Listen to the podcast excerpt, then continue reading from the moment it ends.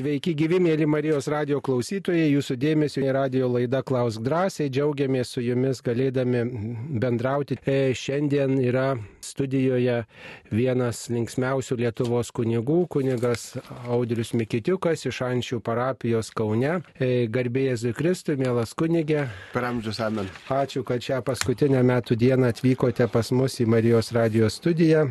Taigi džiaugiamės galėdami bendrauti su jumis, visus sveikiname su šventomis kalėdomis ir e, naujaisiais metais, kurie netrukus prasidės. Viešpaties metai, tegul taika, ramybė ateina jūsų namus ir tegul visas pasaulis džiaugiasi Dievo teikiamą ramybę. E, na ir jau turime keletą žinučių, taigi galime pradėti atsakinėti. Sveiki, kokia intencija pastatėte šventoriuje medinį kryžių, klausė Marija. Taigi čia mm, turbūt apie jūsų šančių parapijos šventorių. Čia Taip, jūsų rūpesčiai. Ko, ko gero šitas klausimas turėtų būti mums neseniai čia spalio mėnesį ar e, rugsėjo mėnesį pastatė medinių kryžių. Na visų pirmiausia, tai galima sakyti, e, kai nuvažiuoji kokį nors e, bažnytkaimį važiuoji, tai yra bažnyčia bet e, net pažinsi, kuris pastatas yra klebonija ir dažniausiai žiūri, kur yra kryžius pastatytas, nes aplink bažnyčią būna daug namų. Gali būti trys, gali būti keturi. Seniau galbūt e, tai kažkaip atpažindavai, klebonija gal kažkas taip e, tvarkingesnio dar prieš kokį 20 metų, kažkokia ten gal tvora geresnė, o dabar visi žmonės susitvarkė, visų kiemai gražus, visų iščiustinti, visų žulytės nupjautos, tai jau iš šito faktoriaus klebunijos net pažinsi. Tai normalu, kad tada žiūri, kuris kiemas toks kaip sakralesnis, kur kryžius yra, gal kokia Marijos statula ar kito šventojo e, statula. Tai šančiuose nei šventoriui, nei prie klebunijas nebuvo kryžiaus. Tai tiesiog e, kilo mintis, kad e, šventoriuje, klebuniai galiausiai žmonės, kurie praeina pro bažnyčią, tikinti žmonės praeina, gali nusilenkti, trumpai staptelt, nes ten šančių šventorius yra toks pereinamas, žmonės trumpindami kelią. Per dieną ten tranzitas vyksta jeigu iš kiekvieno imtum po 50 centų, tai ten per dieną nemažai pribirėtų už tą tranzitinę taką. Labai brangu būtų. Atsiprašau. Tai štai tas kryžius simbolizuoja, kad šita erdvė vis dėlto yra sakrali ir kad žmonės matytų, kad štai čia yra kryžius, kurio nebuvo ir, sakiau, praeinantiems yra, yra galimybė žvilgtelt, kaip į tą iškeltą varinį žaltį kažkada dikumoje, taip ir čia žmonės, manau, kad tikrai tas kryžius buvo pagarbintas jau ne vieno žmogaus ir tiesiog e, priežastis trumpai maldai. Garbiname tave viešpatė ir šlovinant tave, kad šventoji kryžių atpirkai pasaulį. Ir viešpatė pasigailėk, kitas gal tik mintysė persižegnos, kitas gal nusilenks, bet tiesiog buvo smagu, kad e, toj vietoj, kur daugiausia žmonių praeina, būna, kad tai būtų ženklas, kad čia yra šventorius ir kad čia yra sakrali erdvė ir, ir, ir tiesiog jisai, kaip sakant, baž, bažnyčios šventoriaus nei klebunės kryžium nesugadinsi, kaip košės viestų nepagadinsi, taip ir šventoriaus e, kryžiumi pastatęs jo, kaip sakant, ne, ne, nesugadinsi. E, dar e, vienas klausimas apie Šančių parapijos Facebooką. Kodėl jau kuris laikas negalima įeiti į šį Facebooką neprisijungusiems seniorams? smagu paskaityti, kas vyksta Kauno bažnyčiose. Jūsų neveikia. Kaip čia atsakytume? Mūsų veikia, jį administruoja referentė ir aš mačiau, kad ten yra 1300 žmonių, nu tie, kurie sekėjai vadiname, ne, kurie seka tas naujienas. Ir negalėčiau techniškai pasakyti, kodėl kai kuriems žmonėms ne, gal nėra jie, kad taigi ten paspaudė, kad sekti follow, man atrodo, ne tą ir visos naujienos ateina. Jis nėra kažkokia uždara grupė arba neprieinama, tai tiesiog, manau, techniškai ten savo ar kompiuterį telefone reikėtų gal paspausti vieną kitą ar, ar vadinamą laiką, ar, ar tą follow sekti ir, ir bus e, puikiausiai prieinamas visos e, parapijos žinios. Nu, matot, kaip domisi žmonės e, Puiku, labai puiku. parapijos įvykiais. O kaip praleidote kalėdas, turbūt buvo daug žmonių. Na žinot, čia vakar su vienu kunigu šnektelėjom, kad vis tiek yra labai liūdna ir gaila, kad po pandemijos dalis žmonių negryžo. Tai numirė gal. Ne, tikrai nebuvo. Bet aš manau, kad COVID, atsiprašau, nusinešė ne vieną gyvybę, bet e, tiesą pasakius, jeigu paimt, nu, konkrečiai šančių parapiją, ne, nu, tikrai nepalaidojom žmonių daug nuo COVID. Pavyzdžiui, jeigu vis tiek e, yra vedama šančių archyv, e, laidotų archyvas, ne, tai tais metais, kai buvo COVID, nu, nebuvo kažkaip ypatingai daugiau, kaip per metus būna 130 pas mus laidotuvių. Taip ir buvo, gal 135 ar ten 137. Vienu žodžiu, ne- nebuvo taip, kad būtų ten dvigubai išaugęs laidotuvių skaičius ar trigubai. Nu, tiesiog nebuvo to. Tai negalėjo tie žmonės išmirti, bet tiesiog žmonės priprato per tą laikotarpį prie medijų. Ir daugelis pradėjo transliuoti kiekvienas iš savo kromelio e, šventasias mišes. Ir aš manau, kad, nu, čia mano, e, kaip sakyt, asmeninė nuomonė, bet aš manau, kad su tuo transliavimu e, yra labai puiku, tam yra Marijos radijas. Bet kai visi, kas tik tai nori, transliuoja, e, taip ir liko tos transliacijos kiekvieno realiai sekmadieniais tų mišių, tai žmonėms yra labai patogu. Ir jie galvoja, kad tai pilnai užsiskaito ir kad tas bendravimas, bet e, sekmanių šventimas yra visų pirmiausia piligrimystė. Kai aš palieku savo namus, palieku savo ir aš einu švęsti, tai yra piligrimystė, einu, žmonės nu visada Dievą nori vaikyti. Kodėl aš turiu eiti šventyklą, kodėl Dievas negali ateiti pas mane ant sofos? Gali, jeigu tu negali. Tai žinot, vakar perskaičiau labai gerą labai gerą tokį, nu kaip sakyt, išmintingą posakį. Žmonės kreipiasi į Dievą. Sako, Dieve, tu esi geras, gailestingas, e, mylintis. Kodėl tu leidi karus, baisybės, prievartą, nusikaltimus? Ir Dievas klausia žmonių, o tai jums tai nepatinka? Žmonės sako, ne, tai nustokit tai daryti. Tai va daugelis žmonių, žinot, galvoja, kad visur Dievą reikia vaikyti. Dieve tu padaryk, kad mes nedarytume. Dieve tu padaryk, kad mes nekariautume. Dieve tu padaryk, kad mes nepyktume. Ir aš gulėsiu ant sofos.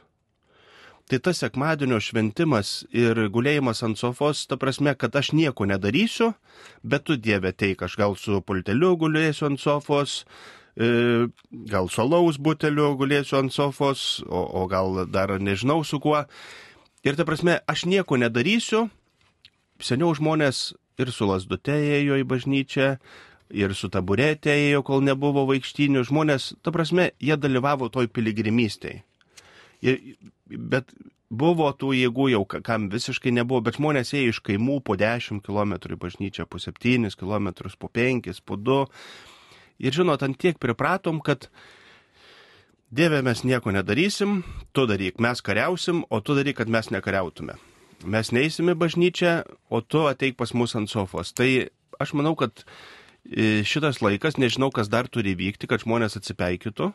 Ir kaip minėjau, tų žmonių tikrai manau, kad e, prieš pandemiją bažnyčioje tikrai buvo daugiau ir tų jaunų žmonių, bet visi priprato, susirado savo mėgstamus kanalus ir vieni žiūri iš vienos bažnyčios, kiti iš kitos, treti iš trečios, didelis ekranas gali būti, geras įgarsinimas, vienu žodžiu. Ir, ir dažnai žmonės, jeigu ir per atgailos sakramentą paminė, į bažnyčią neinu, bet aš visada žiūriu per televiziją ar per radiją.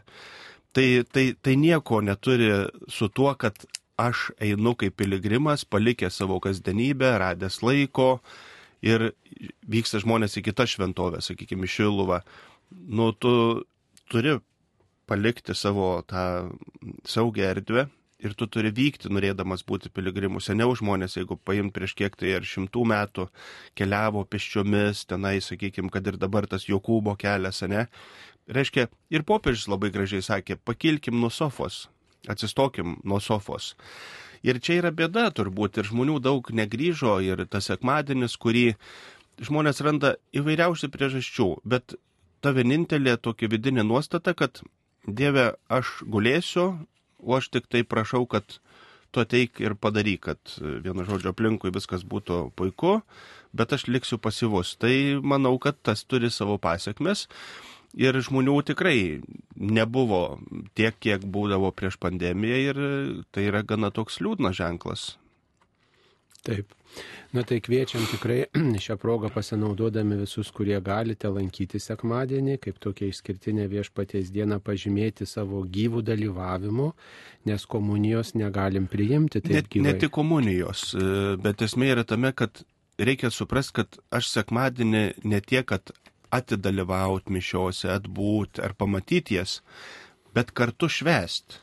Kartu su kitais krikščionimis. Kartu su kitais švęsti Tai aš irgi, pavyzdžiui, galiu sekmadienį, nežinau, iš kokios Lenkijos bažnyčių pastatyti ekraną ir iš kokios Lenkijos transliuoti mišes, žinai. Ir, visiškai, nu, ta prasme, tai nėra tas arba ligonių patepimą. Jeigu ateitų, sakytų klebonė, vad ligonių patepimą reikia. Nu, tai sakysiu, va dabar įsijunkit namuose televizorių ar mano Facebooką ir aš transliuosiu ligonių patepimą, o jūs juo pasinaudokit. Nu, kažkaip niekam tas netiktų. Ar, ar tiktų, kad sutuoksiu jūs per Facebooką, pavyzdžiui, ne? Palaidosiu per Facebooką, visi, vat, pasiimkite planšetę ir eikit prie kapo dubės, aš viską atskaitysiu, vienu žodžiu. Ir, nu, žmonės tiesiog eina tokiu, kaip sakyti, sudėtingu keliu, kur lygiai taip pačiai dėl to tradicijos nyksta, kaip kažkada čia laidoje kalbėjom, laidotuvių tradicijos nyksta, nereikia gedorio, ne, nereikia daug dalykų, viską tik paprasčiau. Kur tas žmonės nuves iki tokio visiško minimalizmo, kada jis baigsis, kada jisai išseks, kada jam ateis galas, kada žmonės vėl pasilgs, e, nu, sunku pasakyti, ar tai galėtų būti kaip mada, čia nėra mada, bet tai yra konformizmas, kada žmonės pripranta viską patogiai. Juk, kad ir mes paimkim tokį labai paprastą dalyką. Žmonės žino, kad sportuot, vaikščiot, e, nueiti per dieną ten tūkstantį, du tūkstančius, tris tūkstančius žingsnių yra labai sveika. Bet kai atvažiuoja prie parduotuvės, tai jie suka ratus tris kartus, kad tik arčiau parduotuvės durų pasistatyti mašiną. Bet kas atsitiks, jeigu tavo mašina stovės už 20 metrų. Nu, Pirkinių sunku nešti toli. Yra, yra vežimėliai tam. Mm. Tai, ta... tai, tai vienu žodžiu, bet koks, bet va, reikės vežimėlio, reikės toliau paeiti, jau čia ir mes visi taip paralyžiuoti esam to konformizmo. Tai tiesiog yra. Čia toks vartotojiškumas galbūt, ar taip, ne? Taip, ir įdomu, ir įdomu, kas turi įvykti, kai žmonės pamatys, kad tai visiškai niekur neveda, kad ta sofa išsigulės, vienu žodžiu, pragulos atsiras ir aš taip ir liksiu, kaip sakant, toks e, per stiklą laižantis medų ir būsiu per stiklą pralaižęs visą gyvenimą, tiesiog prastebėjęs. Nu va, jau klausytojai labai jautri reaguoja į šitą sakinį nuo sofos, ne? Anksčiau ir kunigai turėjo dvasingumą ir žmonės lėkte lėkė į bažnyčią. Ne nuo sofos reikia pakilto kunigams truputėlio pamaldumo turėti. Ir tas yra tiesa, juk e, vis, visiškai, matot, mes kunigai esam lygiai tokios pačios visuomenės dalis, kurie mus formuoja ir aplinka, ir daug kitų dalykų. Ir visiškai normalu, vat, pavyzdžiui, jeigu seniau, sakykime, prieš mišes būdavo tas ypatingas toks pasiruošimas mišiom, mane zakrastijai e, suklaupdavo kunigas prieš mišes, atkalbėdavo visas maldas, tenais taip ir toliau. Tas vieni kunigai turbūt nežinau, bet jau retas tas daro, po truputėlį išnyko ir aš nesakau, kad čia tik žmonės, visus mus, bet tik tiek, kad kunigai, ačiū Dievui, ir dar sekmanį ateina į bažnyčią. Tai, kaip sakant, skirtumas yra tas, kad kunigai ateina sekmanį į mišes, dar ateina, ateina į klausyklą, ateina, ateina sakykime, sekmanį švest, o parapiečiau tenkinas, bet labai teisinga pastaba. Aš nesakau, kad kunigam netrūksta dvasingumo, pamaldumo, tas yra tikra tiesa ir mes visi turim kažkokiu būdu sustoti, atsigręžti ir, ir ta pastaba aš nesakau, kad ne, ne, ne, ne. Taip, tai yra mūsų visų e, sekularizacijos e, pasiekmė, kur mes visi esam to pažeisti. Noriu paklausti, ar galiu priimti švenčiausiai sakramentą, jei nebuvau bažnyčioje antrą šventųjų kalėdų dieną, Dievo palaimintų metų. Taip, galite. Antrą kalėdų dieną nėra, nėra, privaloma. nėra privaloma diena, kad tai nėra ta, sakykime, sekmadienio lygio iškilmė, kuri būtų privaloma. Jei žmogus kremuotas, o urna jau ilgą laiką stovi namuose sekcijoje, gal pusmetis, o gal jau metai, ar gali kunigas laidoti, ar turi teisę iš namų, sakykime, po metų. Nu tai reikėtų kuo skubiau palaidoti. Aplamai, dabar pagal paskutinius, nežinau kada buvo priimti, bet tikrai turbūt seniau negu prieš metus, kad urnos negalima laikyti namuose, turi būti palaidota pagal Lietuvos Respublikos įstatymus. Seniau buvo galima, o dabar nėra tas e, legalu, e, kad ir urną laikyti, e, nuo žodžių, namuose, nes ne, tai, tai buvo priimta ir aš manau, kad tai yra teisinga, nes tas e, apsaugo nuo labai daug, nu, paimkim dabar labai paprastą dalyką. Mes nežinom, kada, kur, kaip e, gali apsiversti gyvenimas. Ir dabar paimkim, vad vyksta karas Ukrainoje, ne? Ir namuose būtų urna. Ateina okupantai, tą urną, jie ką nori gali padaryti, na, jis išbarstytos pelenus, kur nori, to jūrnui gali kupustus rauginti vienu žodžiu, ar ten samagoną susipilti paėmę, ne? Tai, tai yra pakankamai žiūrint globalia prasme labai nesaugu. Ir palaidui, tai palaidui, žinot, užkasiai, padėjai ten, kur reikia ir jau mažai tikėtina, kad ten kažkas eis tą urną išsikas ir, ir, ir kažkaip kokiu būdu išniekint, bet namuose laikant, jeigu atsitiktų taip, kad e, okupacija, bombardavimas, sakykime, mane, nu aš nežinau, kad ar žmogui kils mintis pirmiausia griebti urną ir bėgti, arba gaisras, pavyzdžiui, ne koks nors, griebti urną ir, ir bėgti iš namų. Tai žmogus turbūt jiems gal tik tai, kad pagrindinius rūbus ir, ir kažką. Tai protingai mastant, vėl čia yra toks uh, labai neatsakingas Mm, ir, ir, ir aš manau, kad pakankama nepagarba vis dėlto mirusiam jį laikyti e, namuose. Spintui ar tai sekcijai. reikėtų, kunigas gali laidoti, bet reikėtų laidoti kuo greičiau po mirties faktų, po kremacijos. Iš vis ta kremacija nelabai gal patartina, bet, bet jeigu jau taip atsitiko, kad kremavote, tai tada reikėtų jau kuo skubiau palaidoti. Mums paskambino. Danutė iš Kauno. Taip, Danutė, jūs eterija, klauskite. Garbė Jėzui Kristui. Per amžius. Aš jau vieną kartą klausiau, dabar dar norėčiau ir kunigo audraus paklausti. Kodėl kunigai greitai perskaito e, maldą tikiu į Dievą tėvą? Kiti žmonės nespėja iš paskos. Tai ar čia skaitosi, kad mes kartu kalbam, ar tiesiog, kad ka, e, kunigą atkartojam ir viskas. Aš sakau, girdės dabar gal daug kas kunigų. Nu tegul jie apmažina, nereikia taip kaip žirniais į sieną. Atskaitė, atskaitė ir viskas. Taip, supratom. Ačiū. Be, be, į, įvairiausių atvejų yra, žinot, kunigas irgi kaip ir kiekvienas žmogus turi tam tikro e, temperamentą ir kalbėjimo būdą.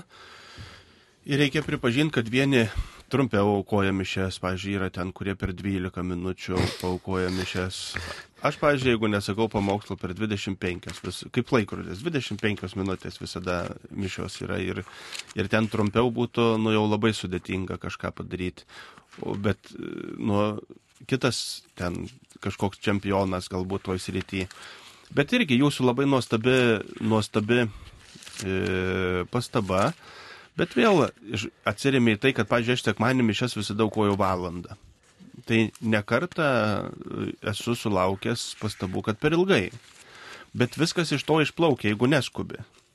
Jeigu neskubi, gėdojimai, vienu žodžiu, kad ir tas pats tikėjimo išpažinimą, jog ilgiau kalbėk jau minutę ar, ar kiek ir per visą mišių laiką žiūrėk minutę, minutę, minutę ir jau dešimt minučių.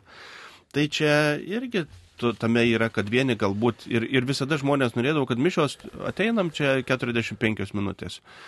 Tai irgi tie, tie žmonių norai yra įvairiausi tie lūkesčiai, bet aš irgi už tai, kad jūsų pastaba yra laiku ir vietoj, kad maldas, kurias kalbam, kurios, kurias kalbant būtų laiko įsijaust, kad širdis neatsiliktų nuo lūpų maldos. Nes jeigu tik tai lūpų malda yra greita, tai širdis tiesiog tame nedalyvauja. Tai va ir tada atlieki liturgiją, bet vėl liturgija, kaip sakant, galbūt ne kiekvienam ir pavyksta širdimi įsijungti, nes ten jinai yra turtinga, daug simbolių. Ir visada parapiečius kviečiam, kas norit pagilinti savo religinės žinias, prašom, pažiūrėjau, ateiti į katekumenatą. Niekas nenori. Vienu žodžiu, niekas nieko nežino, bet niekas nieko nenori. Tai, Visi- jo, tai čia yra užburti, užburti ratai. Visi nenori, visi neturi laiko, visi nori gulėti ant sofos ir, ir nesukėt galvo. Šiandien, jeigu kas yra sunkiausia kunigams, sakykime, žmonės, kurie ateina, pažiūrėjau, dėl pirmos komunijos, dėl sutvirtinimo, dėl santokos, ko jie prašo kunigo?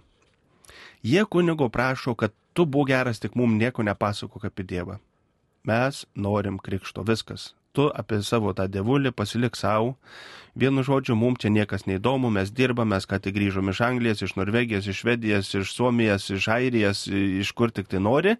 Mes neturim laiką, mums neįdomu. Ir tas, aišku, kunigus demoralizuoja. Ir aš kartai žmonėms sakau, jeigu aš būčiau daktaras, ar jūs prašytumėt, kad aš savo pareigas atlikčiau kuo blogiau? Sakytų, ai, daktarė, čia greit, prapjauk, užsiūk vienu žodžiu, nesuk čia galvos. Ne, kažkaip nek- nekiltų tokių. Jau geriau daktaras, jeigu operacija trunka valandą ir daktaras sakytų, nu bet neskubėjau, išlėtų, kad nieko blogai valandą ir 20 minučių, o gerai čia kruopšiai padarė, ne? Bet jeigu sakytų, ai, čia per 15 minučių, kaip tai per 15 minučių? Jau būtų labai negerai. Ir čia yra kunigų demoralizavimas toj srity, kad kunigas yra prašomas kuo blogiau atlikti savo pareigas, kad e, nepasakotų apie Dievą, Nu, nepasakotų. minimalizuot, galvoja, kad užtenka trumpai, kam ten reikia Taip, ilgai. ir, vienu žodžiu, tie kunigai, kurie yra nieko nenori papasakoti apie Dievą, arba kurie sutinka nieko nepasakoti apie Dievą, tie kunigai yra labai sukalbami, labai faini, labai geri, vienu žodžiu, ir, ir va čia yra sunku suprasti iš, iš, iš žmonių pusės, tas ir aš nekartą sakęs, nu kaip jaustis kunigui, kai tavęs prašo, kad tu savo pareigas atliktum kuo blogiau, e, aplaidžiau ir trumpiau. Ir paskui tas šleifas jisai veikia. Taip, ačiū. Dar vienas klausimas apie kunigą uh, Murauską. Ar galite pasakyti, ar kartais jis neserga, kad vakar buvusioje transliacijoje iš Šilvos nebuvo girdėti jo pamokslo? E, negalim pasakyti, ar jis neserga, tikrai tokių žinių neturime, bet, Bet galim pasakyti, kad jis dar gyvas ir nemirė. Taip, nes irgi negavom žinių liūdnų, tai Taip. Taip. tikrai pasimelskim, kad nesirgtų ir kad e, jeigu kokių negalavimų patiria, kad kuo greičiau pasveiktų. Taip, ar Dievas, kas yra Dievas, dvasia ar asmuo? Kaip atleisti Dievui, dėkinga Teresė nuo sofos Vilniuje. Va matot, kaip užkliuvo visiems ta žodis sofa. Dievas Bet- yra dvasia ir asmuo. Ir dvasia ir asmuo. Dievas yra Žmogų ir daro asmenį dvasia. Nes, pavyzdžiui, gyvūnai nėra asmenis. Jie neidentifikuoja savęs, kad va, aš esu, aš esu aš, kodėl aš, o ne kažkas kitas. Jie tiesiog yra. Ir, pavyzdžiui, pats gyvūnas, jisai nesuvokia savo buvimo. Jisai nesuvokia savo buvimo. Jeigu realiai paėmus, tai gyvūnas yra, kad jis yra suvokia žmogus. O jisai nesuvokia, kada jisai gimė, kada jisai mirs, kokia jo gyvenimo trukmė, jis neidentifikuoja savęs kaip asmens, jis negali sakyti, aš esu. Ir čia vėl atsiriamėm į tą Biblijos, ką reiškia Dievas sukūrė žmogų pagal savo paveikslą ir panašumą. Aš esu gebantis suvokti savo buvimą. Aš esu ir aišku žmogus kuriejas, kaip ir Dievas. Joks kitas gyvūnas nėra kuriejas, nieko negali sukurti. Jis daro tai, kas jam įdėta, jis negali to nedaryti, ne? Jis daro tai, ką daro ir jisai negali nedaryti. Tai čia viskas, jam failas įdėtas vienu žodžiu ir jisai kaip plokštelė muzikos. Va, jeigu uždėjai, tai uždėjai tą patį dainą ir jinai visada gros tą pačią dainą. Ir ta prasme, toj vietoj nepradės kažko kito groti. Tiesiog tai yra įrašyta ir groja, kaip sakant, nors meilės laivas kitam krante ir viskas toj vietoj ir, ir cicinas ir cicinas, kaip sakant, ir, ir nieko daugiau. Tai lygiai taip pačiai ir kiekvienas gyvūnas yra kaip kompaktinė plokštelė įrašyta ir jis nieko negali ištrinti iš savo gyvenimo. Jis, jis negali nekast uh, urvo, jeigu jisai urve gyvena, ne, paukštis negali nekast lizdų, jie negali nesiporuoti. Jie tiesiog nieko negali. Jie tik gali tai, ką gali, bet jie nieko negali tai, ką gali. o žmogus, kaip ir Dievas, suvokia, aš esu. Tai tas biblinis, kas tave siuntė, kai ten mozė, net pasakyk, kad aš esu. Lygiai taip žmogus sukurtas pagal Dievo paveikslą ir panašumą yra aš esu, nes jisai yra sukurtas pagal Dievo paveikslą ir panašumą. Kitaip sakant, asmuo yra ir šventoji dvasia, ir sunus, ir tėvas. Kiekvienas yra asmuo, kuris Asmuo. suvokia, kad aš esu. Taip ir, ir su kiekvienu dievišku asmeniu galima bendrauti, kreiptis į jį, prašyti, dėkoti. Kaip atleisti Dievui? Na, čia toks labai pla, platus klausimas. Tai pirmiausiai padėko Dievui už tai, ką jisai davė. Paprašykit, kad Dievas pas jūs prieitų iš pažinties. Įdomu, ir jūs kaip- galėsit jam atleisti. Kaip tai atrodė? Taip, Dieve, prašau pas mane iki iš pažinties ir aš tau duosiu išrišimą. Dievui atleisti turbūt reikėtų truputį praplečiant savo tokį akiratį, suprantant, kad Dievas mato daugiau negu aš ir žino daugiau negu aš. Tai dėl to, nu, vat, Aš tai iš vis nesuvokiu, kaip galima Dievas statyti kaltinamojų suolą. Nupykti, kodėl vat, man atsitiko taip, žodžiu. Ką kodėl. reiškia, bet Dievas ne dėl to yra. Dievas nėra. Nu, kodėl kaimyną palaimina, o, o, o Ką manęs reiškia nepalaimina? palaimina? Nu, reiškia, jam geriau sekasi. Ne, tegu sekas, bet Kristus nei Dievas nežadėjo, kad seksis. Paimkim Jobą, paimkim kitus. Krikščionybė nėra e, su, niekaip susijus tikėjimas, kad man seksis arba nesiseks. Aš arba noriu amžino gyvenimo, arba nenoriu ir viskas. O kad man seksis, tai nuo to aš nesu apsaugotas. Aš ne dėl to tikiu, aš ne dėl to melčiuos, kad aš būčiau sėkmingesnis kažkoks. Ne, kad būčiau sėkminge- sėkmingesnis, man reikia į seminarus, man reikia mokintis, man reikia tobulintis, man reikia kažkokių kursų, ne, man reikia diplomų kažkokių, tada aš būsiu sėkmingesnis. Bet tai krikščionybė nėra tau kažkoks e, sėkmingumo garantas, priešingai. Jūs paimkite, Jėzus gimė, bėgo į Egiptą, išžudė kūdikius e, ir galiausiai nukryžiavo. Tai kur čia sėkmė? Nu, nėra sėkmės. Nu, ta prasme, taip, čia žmonės vis, vis, visiškai nesupranta. Nu tai va, tai ko aš ir noriu sėkmės, prisikėlimo. Tai vienintelis dalykas, kokios tu sėkmės nori iš Dievo, tai prisikėlimo, o ne kažkokių tai, e, žinot, e, žemiškų dalykų, kurie, aišku, yra gera, kai žmogus, kai žmo, žmogus atsisako pretenzijų kaltinti Dievą, jis tiesiog visai kit, vis, viską supranta, kitaip jis dalyvauja tada tame išganimo kelyje. O jeigu tik tai Dievą, aš, aš sakau, aš neturiu savokos, kaip galima dėl ko nors Dievą uh, sudinti kaltinamųjų suolą. Tiesiog aš tą galėčiau padaryti, jeigu aš pats būčiau save sukūręs. Ir čia Biblijoje labai geras atsakymas, kai turbūt irgi Jobo knygoje, kai Dievas sako, pala, pala, pala, ten Jobas pradėjo, aš labai norėčiau šitai klausytojui, kuri uždavė šitą klausimą, palinkėti perskaityti Jobo knygą. Jis nėra ilga, ji nėra daug, ten užtruks porą valandų, manau, daugiausia. Kai Jobas, būdamas kančioj, užduoda Dievui labai daug klausimų. Ir tada Jobas sako, pala, pala, pala, pala, pala, pala, pala. O sako, ar tu man gali atsakyti, kur tu buvai, kai aš žemės pamatus dėjau? Kur tu buvai? Kur tu buvai, kai aš ten, sakykime, seka kiti ten klausimai, ne kai šviesą nuo tamsos atskyriau? Kur tu buvai, kai aš vandenis nuo sausumos, žinai, kur tu buvai? Ta prasme, nu, vi, visiškai, čia, nu, klausimai, kurie, nu, net, neturi atsakymo, tik tai klausimo gali klausti, kur tu buvai? Ta prasme, kur tu buvai, kai aš tave kūriau?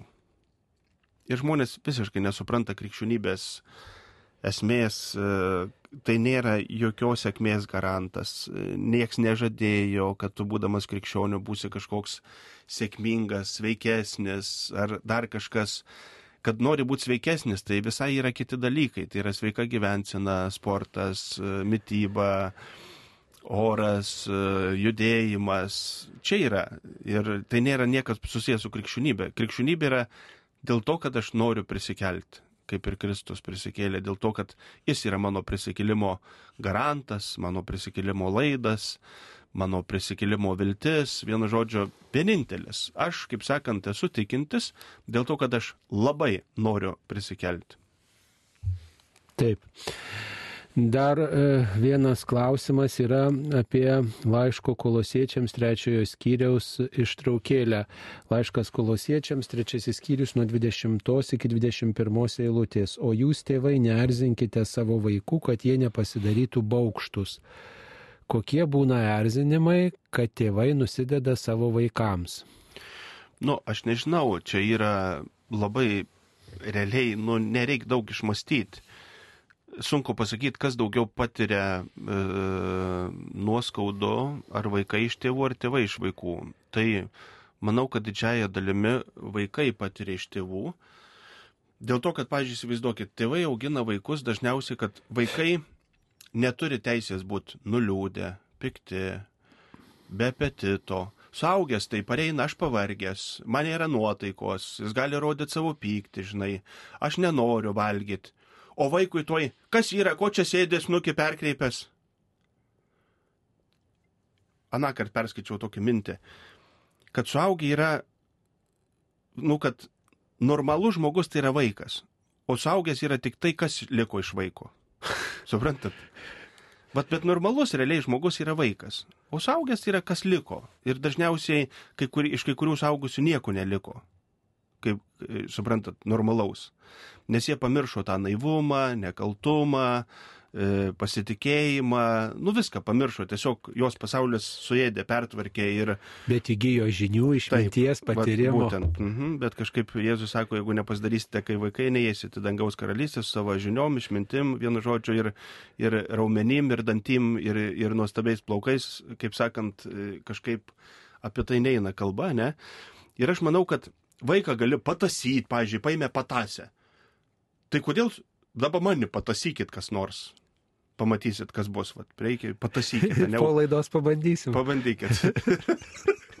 Kaip sakant, kitos laidos jau bus kitas Marijos radio direktorius per po naujų metų, sausio trečią. Tai va, vienu žodžiu ir įsivaizduokit, vaiką gali patasyti, už ausies, apšaukti. Ir visa, kas formuoja, pavyzdžiui, dabar, jeigu paimt suaugusius žmonės, visi yra tiesiog pertukę vidinių žaizdų dėl to, kad jų nevertino, dėl to, kad jų neprieėmė, kai tėvai vieną vaiką labiau e, myli negu kitą, va, pavyzdžiui, vieną ten laiko kažkaip baisiai ateities perspektyvą, o kitas toks bjaurusis ančiukas, ne? Tai tėvai, aš galiu pasakyti, nežinau, tikrai nesuklysiu, kad 90 procentų tėvų vaikus auklėja siaubingai, tiesiog siaubingai, dėl to, kad jie nusprendžia, kuo jie bus užaugę.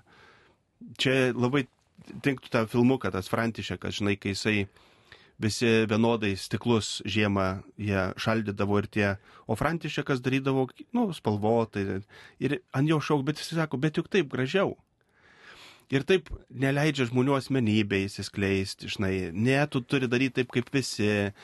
Ir ta prasme, aišku, kad tai žmonės sulaužo, ar, arba atsimenu, kai aš mokiausi mokykloje, kad kairė, su kairė ranka negalėjai rašyti. Tu turėjai išmokti su dešinė, ne? Nu, ta prasme, suaugę su vaikais daro, ką jie nori. Jo gali neišklausyti, jis sakau, neturi teisės turėti blogos nuotaikos, jis neturi teisės būti pavargęs, nusivylęs, blogai jaustis, neįsimegojęs. E, jis, bet ir tuoj pat, ko čia sėdit susukęs, dink nuo stalo. Kas čia, kas čia? Ir čia klausia, dėl ko vaikai gali turėti nuoskaudų ir labai didelių, labai labai didelių. Nu, kitaip sakant, nepadaryti tokių nepagristų skriaudų. Bet visi tą daro taip nuoširdžiai, vaikams. kad net... Nu, nepastebi, taip. Nepastebi, visi turbūt daro klaidų, bet turbūt reikia išmokti ir atsiprašyti savo vaikų. Būtent. E, dar vienas klausimas, taip, mums, mes gavom, mums paskambino, taip, mums paskambino, kasgi mums paskambino. Zita iš Vilniaus. Taip, Zitutė, jūs eterija, klauskite. Garbėjai Kristui. Per amžius. Labai džiaugiuosi, kad jūs tokias laidas vedat. Aš nelabai dažnai klausausi Marijos radijo. Labai gaila, kviečiam e, dažniau klausyti. Gaila, ką padaryti. Ne, ne viskas nuo manęs priklauso, nesvarbu, čia nesigilinsim, ne dėl to aš čia skambinu. Norėjau pasiteirauti, Ar, ar nebūtų galima pakviesti kunigų, juk yra ne tik Kaune ir Vilniuje kunigų, pavyzdžiui, iš kokių kaimų, kur, nu tikrai yra, aš kalbu apie tikrus kaimus, ne tuos, kur ten netoli Kauno, netoli Vilniaus, kur ten jau kaimas, bet ir ne kaimas tuo pačiu. Ar nebūtų galima pat pakviesti tokių kunigų? Aš manau, jie taipogi gali ir turi ką pasakyti. O dėl tų visokių tenai dvasingumų e, iš kunigų pusės trūkumo, tai be abejo, žinoma, tegul tie, kurie kaltina kunigus nedvasingais, jeigu neturi veidrodžio, tai žinokit, galit pasakyti, aš jiem nupirksiu. Jie gali pasižiūrėti veidrodį save. Mm. Gal ten kažką irgi pamatys. Tai va gal trumpai būtų tiek.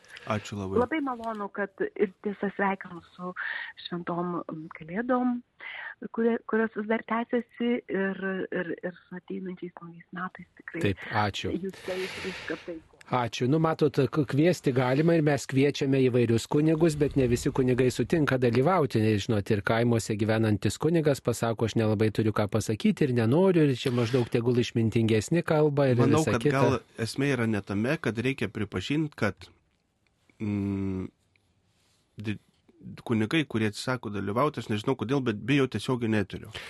Nu, nebūtinai tai... tiesioginių ir įrašuose kartais atsisako dalyvauti, nes reikia labai daug ruoštis, reikia, reikia kartais galbūt ir, ir kokią klaidą padaryti, o paskui kažkas ar pasišaipys, ar pastabą padarys. Pavyzdžiui, man jeigu netiesioginis eteris, man neįdomu iš vis. Va, tai aš tiesiog kaip medinit, nu iš vis, man nėra, pavyzdžiui, aš tiesioginė eterį, va kaip dabar kalbama, ne?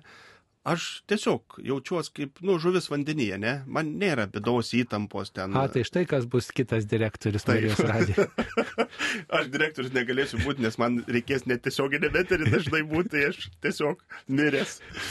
Tai va, ir aš nebent visą parą transliuosiu uh, gyvai, bus tiesioginis eteris, ne? Tai aš kažkaip, kai kalbu, aš visada žinau, kad, nu, dabar ką kalbu, tą ir girdite, ne? Ir kad Ir niekas netaisys, ar ne? Ir, ir niekas netaisys, ne? O, o tas tiesiog neterio kai kuriems, sakykime, ar tai būtų televizija, pažiūrėjau, mane tai galėtų gatvėje sustabdyti, nors dešimt televizijų aš galėčiau, ta prasme, aš tikrai neturiu tos baimės ir, ir mane žurnalistai jau išmokė, kaip sakant, nuo jų niekada gyvenime nebėgti ir, ir nebijoti. Ir Bet yra kunigų, kuriem tas kelia įtampa, kaip sakot, e, ir ne dėl to, ar tai kaime, ar tai ne kaime, tiesiog yra susijusių su turbūt asmenybių tam tikra drąsa, ar žmonės vieni, vieni labiau kažkaip, bet galbūt, vat, ką jūs sakot, šita moteris, kuri uždavė klausimą, šitą problemą, žinot, kas gali įspręsti, e, kad visi kunigai Lietuvos gali būti e, priimti Marijos radiją, ta prasme, kur yra laida radijas, Marijos radijas eina į svečius.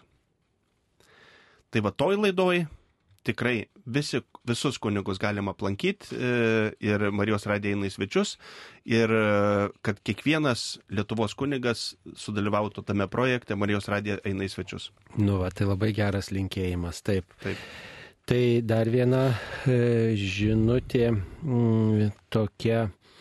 E, tokia taip skambanti. Sutinku, kad žmonės priprato e, Dievo ateimu pas juos ant sofų, bet tas COVID neišnyko ir dar atsiranda gripo virusas, žmonės bijo ir laikosi medikų rekomendacijų likti namuose, o kunigams reikėtų juos kaip nors padrasinti bet jei neklystų, ne viena Lietuvos bažnyčia nepavirto COVID žydiniu.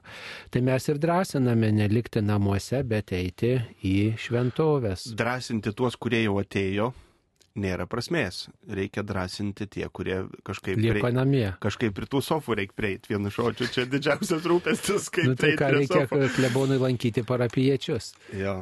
Taip, mums paskambino. Vincas iš Alitaus. Taip, Vincai, klauskite, jūs eteryje. Garbė Jėzui Kristui. Per amžius. Gerbėmiems kunigams. Dabar čia buvo kalbus apie šventas mišes. Tai ir aš norėčiau pasakyti tokią mintį. Man labai malonu būna per šventas mišes ir taip širdyje dėkoju tam kunigui, kai būna pakilėjimas ir jis pakelia ostiją, o paskiau taurę e, su Jėzaus krauju ir pakėlęs palaiko kažkiek tai, nors 15 sekundžių. Tai aš ramiai sukalbu, taip žiūrėdamas į Jėzų Kristų ir spėju padėkoti. Jėzau, dėkoju už viską, pasigailėk manęs nusidėjėlio. O būna, kad kunigai tik biški pakelia ir iš karto nuleidžia. Nu ir tada viskas, va, ir jau nuleista, tik tada melgėsi. Ačiū. Tai, mhm. tai linkiu gerų metų visiems, dvasingų gerų metų visiems. Ačiū. Ačiū labai ir viena iš priežasčių, kodėl aš irgi stengiuosi ilgiau e, iškėlęs palaikyti, tai amžinatelis Zaremba, e, jo pasakyti žodžiai seminarijai. Kunigas Jėzuitas, taip. Taip, e, kunigas Jėzuitas, mūsų dvasios tėvas, jisai visada sakydavo, žinokit, kad pakilėjimas yra trumpoji adoracija. Tu iškėlęs ostiją ir taurę, tu turi tiek laikyti, kad suspėtum padoruoti. Ne taip, kad tik tai iškėlė nuleidai, bet padaruotai reiškia, va, pavyzdžiui, aš atsimenu amžinatelsi Pranciškus Tamulevičius, monsenjoras, ne? Jisai, aš klausydavau šalia jo stovėdamas, ką jisai kalba. Ir tai kalbėdavo, e, viešpatė pasikailėk, būk man gailestingas, garbiname tave viešpatė ir šlo. Ne, e, garbinkime švenčiausią sakramentą, mūsų viešpatės Jėzaus Kristaus kūną ir kraują. Ne? Tas pakilėjimo iškilimas yra trumpoji adoracija. Ir aš visada, kas mane įgalina irgi iškėlus palaikyti, va kaip sako, ten galbūt 10 sekundžių, tai aš suprantu, kad čia vyksta adoracija ne tik man, bet ir žmonėm. E, bet kai kurie žmonės, kai tu iškeli, jie nulenkia galvas. Iš tikrųjų, jeigu iškeli, tai reikia žiūrėti, e, tam tikrą prasme adoruoti. Tai va, pakėlėjimas yra trumpoji adoracija ir, ir vėl kunigam apie tai reikia kalbėti. Viskupijose vyksta kunigų e, susirinkimai ir apie tai priminti, kad vyrai tai yra adoracija trumpoji. Ir pasinaudokit progą tiek jūs patys, tiek e, žmonėm aiškinkit, kad jie suprastų, kad tai vyksta tokį e, trumpoji adoracija, kuri gali trukti 10 ir 15 sekundžių, kai aš spėčiau pagarbinti viešpati. Nu, mišiolė nėra nurodyta, kiek ten reikia iškėlus laikyti, tai čia turbūt pagal kiekvieno kunigo pamaldumą. Vat, ir... ir temperamentą dar, žinot. Taip. Vienam tai išbūti 15 sekundžių yra kančia, ramiai. Gerai, dabar žiūrime. Vienoje bažnyčioje kunigas, kuris nešioja suplyšusius džinsus, sporbačius, plikomis kojomis, nudažęs plaukus, stipriai degęs veidą, vartoja keistą leksiką, kodėl netliekami egzorcizmai, jis diskredituoja jaunimą, de, dezorientuoja. E, tai klausimas, ar reikia tokiam kunigui egzorcizmo. Tai čia. Ne, tai nesusijęs su egzorcizmu, čia tiesiog e, požiūrį pašaukimu. Tai šitos klausimus e, dažniausiai nukas. Jeigu yra klebonas, parapiečiai praneša savo pasipiktinimus, e, tokius akivaizdžius, sakykime, pasipiktinimus klebonui.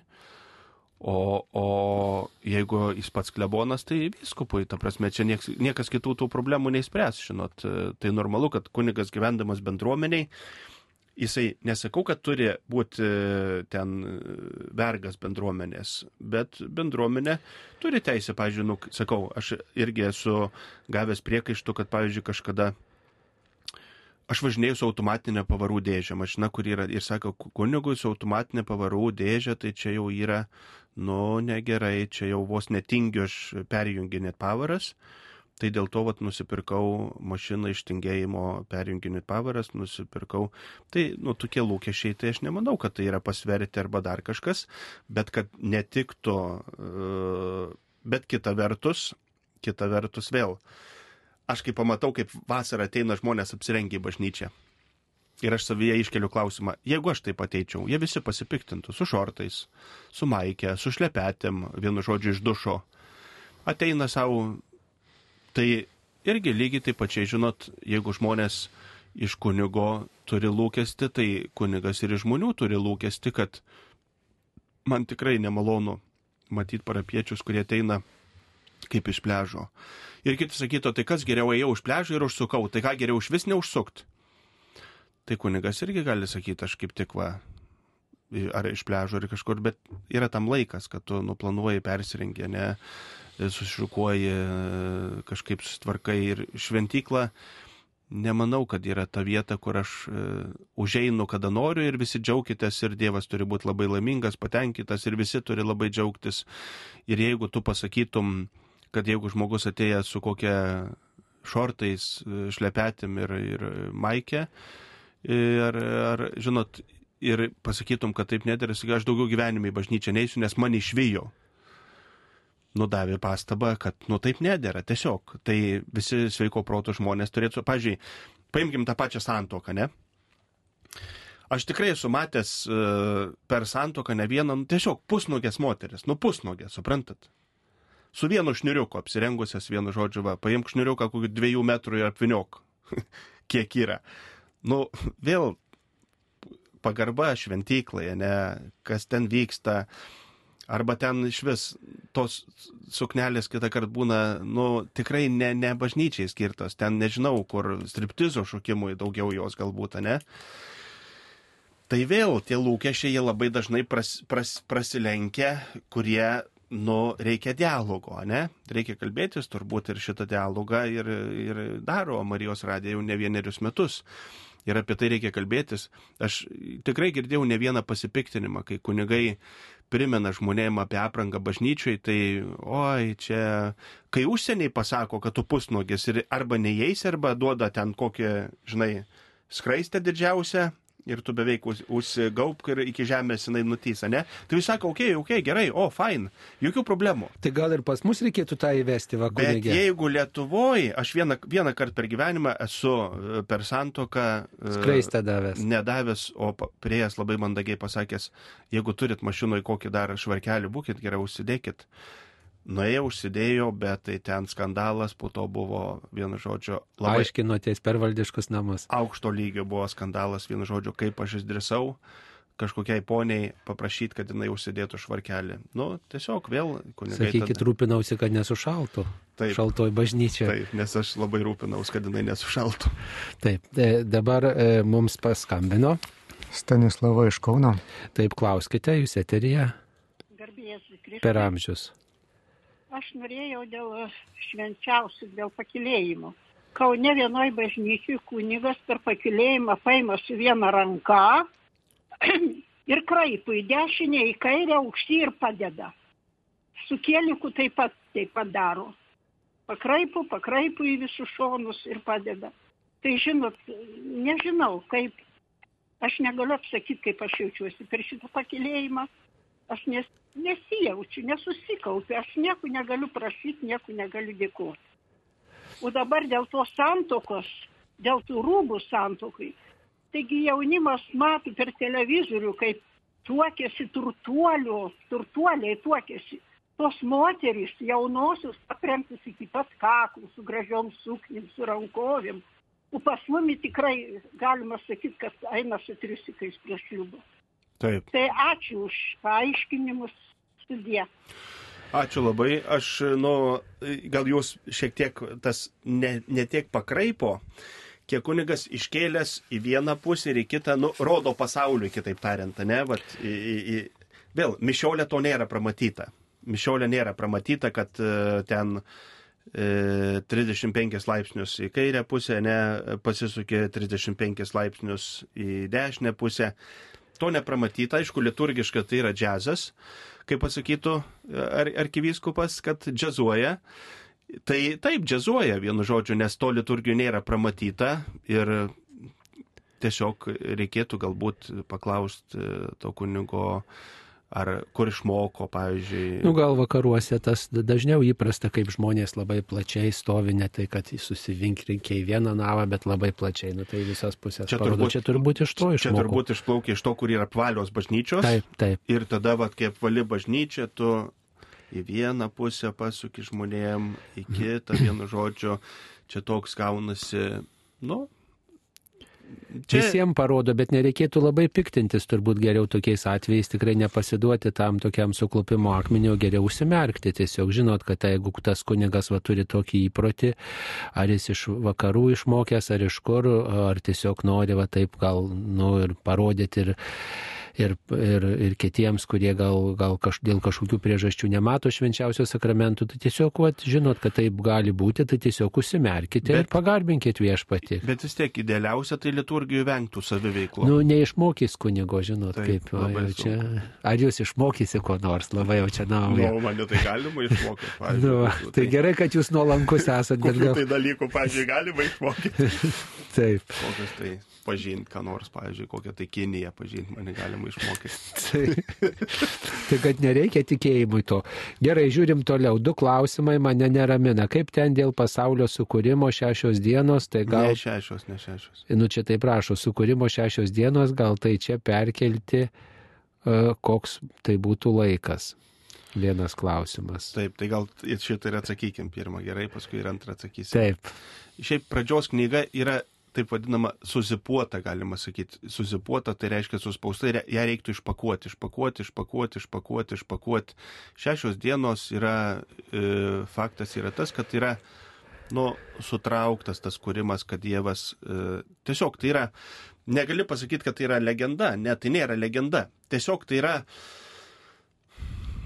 kūrimo procesas sudėtas į šešias dienas, bet pasaulis tikrai nesukurtas nei per šešias dienas, tai yra milijardai metų ir jeigu vieną dieną sudėtume 10 milijardų metų, tai tada taip, e, aš e, sutinku su jumis, kad vienu žodžiu tada per šešias dienas, vienu žodžiu ir Biblija va tą nori pasakyti, kad nes ne, neprašysi Biblijoje milijardo metų, pavyzdžiui, ne, kaip tas vyko. Tai, nu, tiesiog neįmanoma. Ir jeigu paimt 10 milijardų atstoja vieną dieną. Nu, tai va ir paaiškinimas būtų, kad tai yra viena diena, kaip e, Biblija parašyta, kaip tūkstantis metų ir tūkstantis metų kaip viena diena. Tai čia viena diena tai yra nelaiko prasme. Nelaiko prasme, bet nu, norėta parodyti, kad Dievas imasi iniciatyvos kurti ir kokiu greičiu, e, pažiūrėjau, aš aną kartą perskaitau mokslininkai sako, ten atrado žvaigždę, kuri nuo Žemės nutolusi 13,6 milijardų šviesmečių. Nu ir suprastų žmogelis dabar atstumą tokį. 13,6 milijardų šviesmečių. Tai aš, kai va tokius dalykus, vien man mokslo gana va tokios tezės ir aš noriu atsiklaupti ir garbinti, man nieko nereikia. Tiesiog, vat, kaip e, turbūt Bražionės rašė, man labai patikdavo seminarijos, aš eidavau iš bažnyčios ir ypatingai, kada būdavo po vakarinių pamaldų e, ir labai giedras dangus, aš visada tą eilėraštį prisimindavau, o žvaigždė, žvaigždės didelės ir mažos taip spindi, net graudu dievuliau mano. Tai va, tas man graudu dievuliau mano 13,6 milijardai šviesmečių, tai atsiklaupi ir garbini. Tai tas šešios dienos, tai vienu žodžiu yra milijardai metų aprašyti, kad Dievas imasi iniciatyvos ir e, sveikų protų suvokiant, tai noris tik tai atsiklaupti ir garbinti ir dėkoti. Taip. O antras tas. O antras klausimas apie rožinį. Kodėl e, per Marijos radiją kartais būna kalbamos kelios dalys rožinio? Prašau atsakykit, kodėl per Marijos radiją būna. Taip, dėl to, kad yra keturios dalys rožinio ir norime, kad e, žmonės turėtų galimybę pasimelsti rožinio maldas ir taip yra visame pasaulyje Marijos radijos stotyse, kad rožinis transliuojamas keletą kartų per dieną, o Dievo gailestingumo malda tradiciškai melžiamasi 15 val. bet galima melstis ir kitų laikų privačiai. Taip trumpai. Taip. Mm, kaip žiūrit, kad mažai kunigų adoruoja? Na žiūrim, kad reikia daugiau adoruoti kunigams. Tiesiog Taip. čia tiesiog kvietimas visiems adoruoti. Mums paskambino. Dar kartą Vincas iš Alitaus. Taip. Klauskite. Dar kartą garbė Jėzui Kristui. Per amžius. Noriu, noriu pasidalinti patirtimi, tokia pastebėjau, jau, jau senokai. Prie vienos bažnyčios, čia kažkur tai arčiau Klaipėdos lyg tai buvo ta bažnyčia. Tai atėjau į bažnyčią ir prie durų prikabintas toks gražus plakatas ir parašyta žmogau, nu panašiai taip, žmogau, prieš ateidamas į bažnyčią būk tvarkingas. Ir nuotraukos indėtos apie šešios tokios gražios, reiškia, nu, tvarkingų žmonių einančių. Ir parašyta, reiškia, taip ir taip ir taip ir taip. Aš sustojau taip, skaitau, skaitau, aleva, sakau, nereikia jokių pamokslų, nieko nereikia. Viską perskaityk ir, ir žinosi, kaip ateiti į bažnyčią. Tai ir pagalvojau, sakau, kad prie visų bažnyčių tokie plakatai būtų, tai sakau, žmonės daug pasitaisytų. Nu, kaip pavyzdžiui, Šilvos būna atlaidai, didelis plakatas, reiškia, su visų tvarkaraščiu, apie vašiūnuose būna spalvotas gražus padarytas. Galvoju, alva kunigas, sakau, kaip sakau, be žodžių, be nieko, sakau, parapiją savo auklėje. Ačiū už, už išklausimą.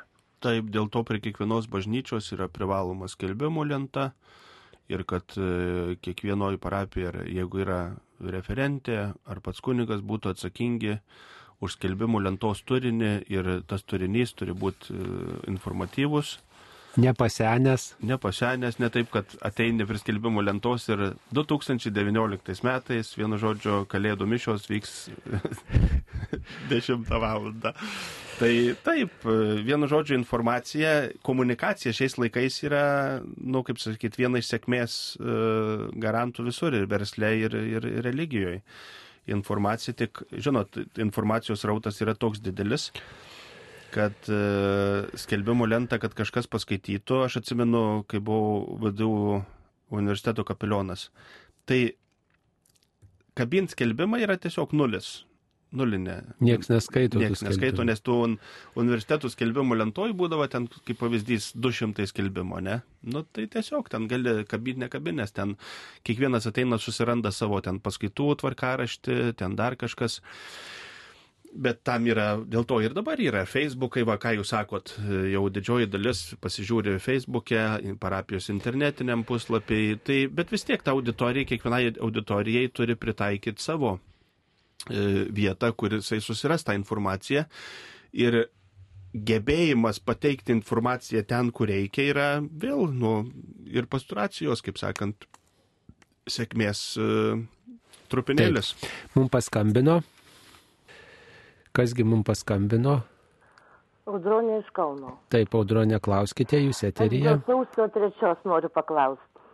Pranešimas buvo per radiją, kad sausio trečią jezuitų bažnyčioje bus paimami ten įžadai per Jėzaus širdies šventę.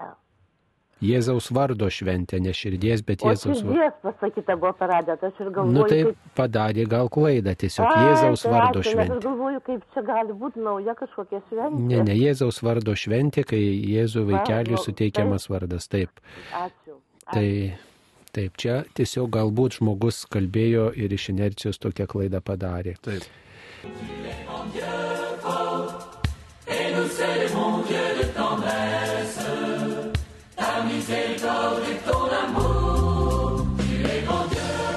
Pokalbių laida Klausk drąsiai.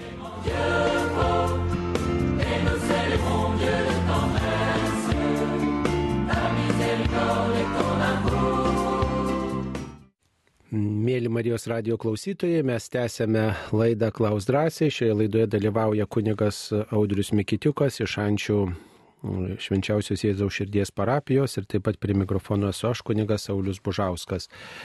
Ačiū, kad prisiuntėte daug žinučių e, ir skubame atsakyti jūsų atsiųstas žinutės. Kuo skiriasi ekumeninis ir kanoninis Biblijos vertimai?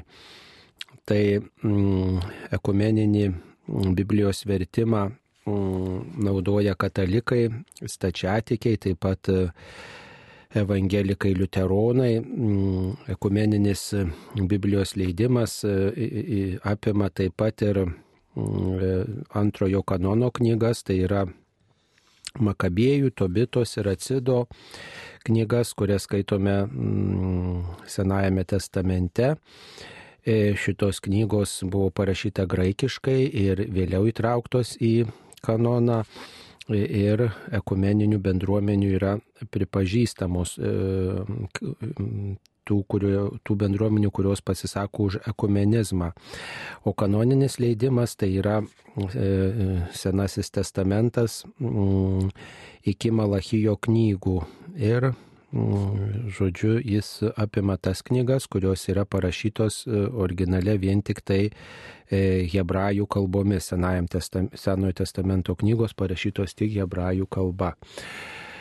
E, mes naudojamės viskupų konferencijos aprobuotų, Lietuvos viskupų konferencijos aprobuotų Biblijos vertimu, taigi ten yra ekumeninis leidimas, ekumeninis vertimas, bet e, taip pat e, nu, su tam tikra, e, žodžiu, knygų išdėstymo tvarka truputį kita yra mm, šitam katalikiškam leidime.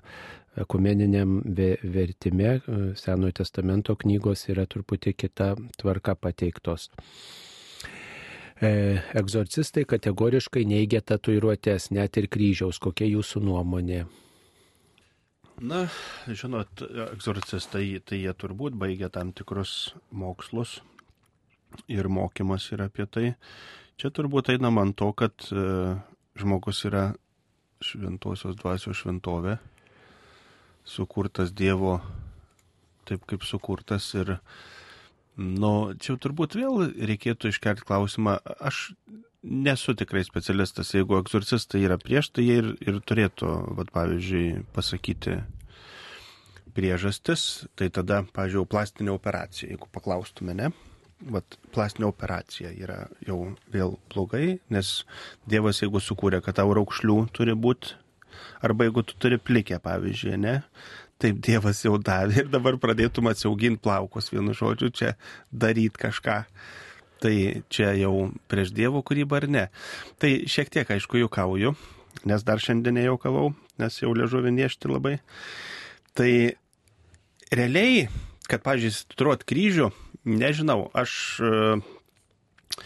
aš tiesą pasakius, kartais labai norėčiau, vat, kažkur ant pėties, sakykime, tatuiruot kryžių dėl to, kad aš noriu priklausyti Kristui ir, pažiūrėjau, jeigu mane paimtų į nelaisvę, kad aš matytų, kad aš esu pažymėtas, nu, vat, aš esu Kristaus, aš turiu stravęs kryžių. Ir, ir kad tame egzorcistai galėtų pasakyti, kad aš noriu pasižymėti neišdildomu, galim sakyti, kaip vergas būdavo pažymėtas šeimininko kažkokią anspaudą išdegintų ant odos, ne? Kodėl aš negalėčiau būti e, pažymėtas neišdildomu, sakykime, ženklu Kristaus kokiu nors, tai, sakykime, ženklu, šiuo atveju kryžius arba dar kažkas. Tai aš čia dabar tiesiog e, svarstau, bet egzorcistai, manau, kad argumentų turi tuo klausimu ir, ir kodėl. Bet tiesiog aš negalėčiau tiksliai pasakyti, aš, aš suprantu, kad, pavyzdžiui, kas mane labiausiai stebina, kad jeigu paimt tatuiruotės, didžioji jų dalis yra pragaro simboliai. Nu tiesiog blogio. Kodėl žmogus ant savęs, kad ir paimt vėl grįžtume prie to pačio Helovino, ne? Helovinas yra žmogus blogį e, ant savęs e, transliuoja. Kraujas, dantis, kaukulė, ašaros, ten kas išgazdintas, realiai pragaro, ką mes vadinam pragarą, nu, pragarą šiuo atveju ne taip kaip vietą kažkokią, bet kaip mes įsivaizduojam tą nemalonius e, dalykus, tai va žmogus tą švenčia per Helovyną, pragarą, švenčia pragarą. E, kodėl žmogus tą daro? Va čia reikėtų iškelt klausimą. Kodėl didžioji dalis tatuiruočių yra tokios, kaip čia pasakyti, nu, blogio išraiškos, nu, ne visos, bet didžioji dalis tatuiruočių yra kažkas susijęs su tokio, žinai, blogis, ten dalgis, žinai, ten toks ateina kažkas. Aš kažkada knygą turėjau, kažkam padovanojau ir netidavė apie tas tatuiruotės vienu žodžiu. Ir, ir neturiu galimybės aš dabar juos pavartyti. Bet va čia turbūt kyla pagrindinis klausimas, kodėl žmogus ant savęs nori mm. dėtis blogį. O teologiškai, kodėl egzorcistai, pavyzdžiui, yra ir prieš kryželių sutiravimą, aš tikrai negalėčiau atsakyti. Taip, mums paskambino. Vytautas iš Vilniaus. Taip, Vytautai, klauskite, jūs eterija. E, turėjau klausimą. E, pagal Kristaus e, žmogiškojo gyvenimo istoriją Kristus iš Egipto sugrįžo po to, kai mirė karalius Erodas. Dabar kalbant kryžiaus kelią, kai, kurie, kai kuriuose variantuose vėl sakoma, kad Poncijus pilotas e, siuntė spręsti Kristaus bylą pas Erodą. Bet, Kristu, bet Erodas jau tada liktai buvo miręs. Tai koks ten Erodas, pas kokį Erodą tada siuntė. Tai va to norėjau paklausti. Žiūrėjau, istoriškai, kaip čia būtų galima iš, išdėlioti, nes Ar, ar Erodas mirė? Ne vienas buvo Erodas, reikia pasakyti, buvo Erodas didysis, Erodas Agripa, Erodas Archealajas. Ir čia, žodžiu, kaip ir e, tiesiog tokie, tokį vardą turėjo keli, keli karaliai. Taigi čia skirtingi turbūt personažai būtų, skirtingi laikotarpiai. Turbūt, Taip. ko gero. E, dar viena žinutė, mm, kodėl Jėzaus vaikelio lėlė visur vaizduojama paguldyta nuoga, jei šventajame rašte parašyta, jog suvystė į vystiklais ir paguldė ėdžiose. Vat štai toks klausimas. Turbūt turima galvoj prakartėlėse. Taip. Tai turbūt nuoga vaikelio lėlė, kaip čia parašyta figūrėlė, ta skulptūrėlė Jėzaus nėra nuoga, bet e, tiesiog yra vis tiek kažkaip vaikelis suvystytas, bent jau simboliškai parodyta, kad jis nėra visiškai, visiškai be, be rūbų. Čia jūs turbūt mm, jau truputį perdedate. Nu, kodėl gali atsirasti tokių, kurie deda tą lėlytę, žinau, tokį e, įdomu, jeigu ta pati, sakykime, Jėzaus skultūra padaryta iš kokio gipso, ar, ar tame gipse nėra iš gipso padarytas rūbas dar, ne? Aš nemanau, kad čia kalbam apie tai, kad guli ir matos lytiniai organai, tarkim, ne, nu kaip pavyzdys, ne, ar, ar tą nuogumą įsivaizduoja, ar tiesiog nėra audeklo kokio nors. Tai čia yra, yra, bet šiaip yra labai graži tradicija ir man labai patinka, kad prakartėliai, kur yra ėdžios ir, ir gimės, tai įdėti naują testamentą vietoj e, Kūdikėlio kūdikėlių, Jėzaus. nes tai yra Jėzus. Naujasis testamentas tai yra Jėzus. Ir, pavyzdžiui, vietoj tos lėlės vadinamas, ne, įdedi Bibliją. Jėzaus gimimu ateina naujasis testamentas, įdedi Bibliją ir tas vat yra, būtent čia yra Jėzus. E, Ir, ir gimęs, ir prisikėlęs jis tose ėdžiose. Tai žinot, ta prakartėlė vėl, jinai nėra, jinai nėra ta, kad nusako kažką į- į- ypatingą ten kažkokią, bet tai yra transliuoja, kad tai yra Dievas priema žmogaus prigimti. Ir net ta lėlytė tenais vaidina kažkokį garbanotais plaukais, vienu žodžiu ir visa kita. Bet aplamai tą žinę, kur gali įdėti Bibliją, e, žinot, ir, ir gal ateis laikas žmonės iPhone įdės atverti Biblijos programėlę telefone ir, ir, ir čia, va, sakys, yra Jėzus.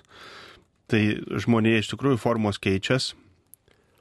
Dabar toks laikotarpis, kad dažnai ir knygas pakeičia elektroniniai dalykai ir, ir galbūt, kaip sakau, bus toks laikas, kai žmonės įdės planšetę su Biblija, vienu žodžiu programėlę ir sakys, čia guli Jėzus. Tiesiog, žinot, viskas labai keičiasi ir supratimas ir daug dalykų.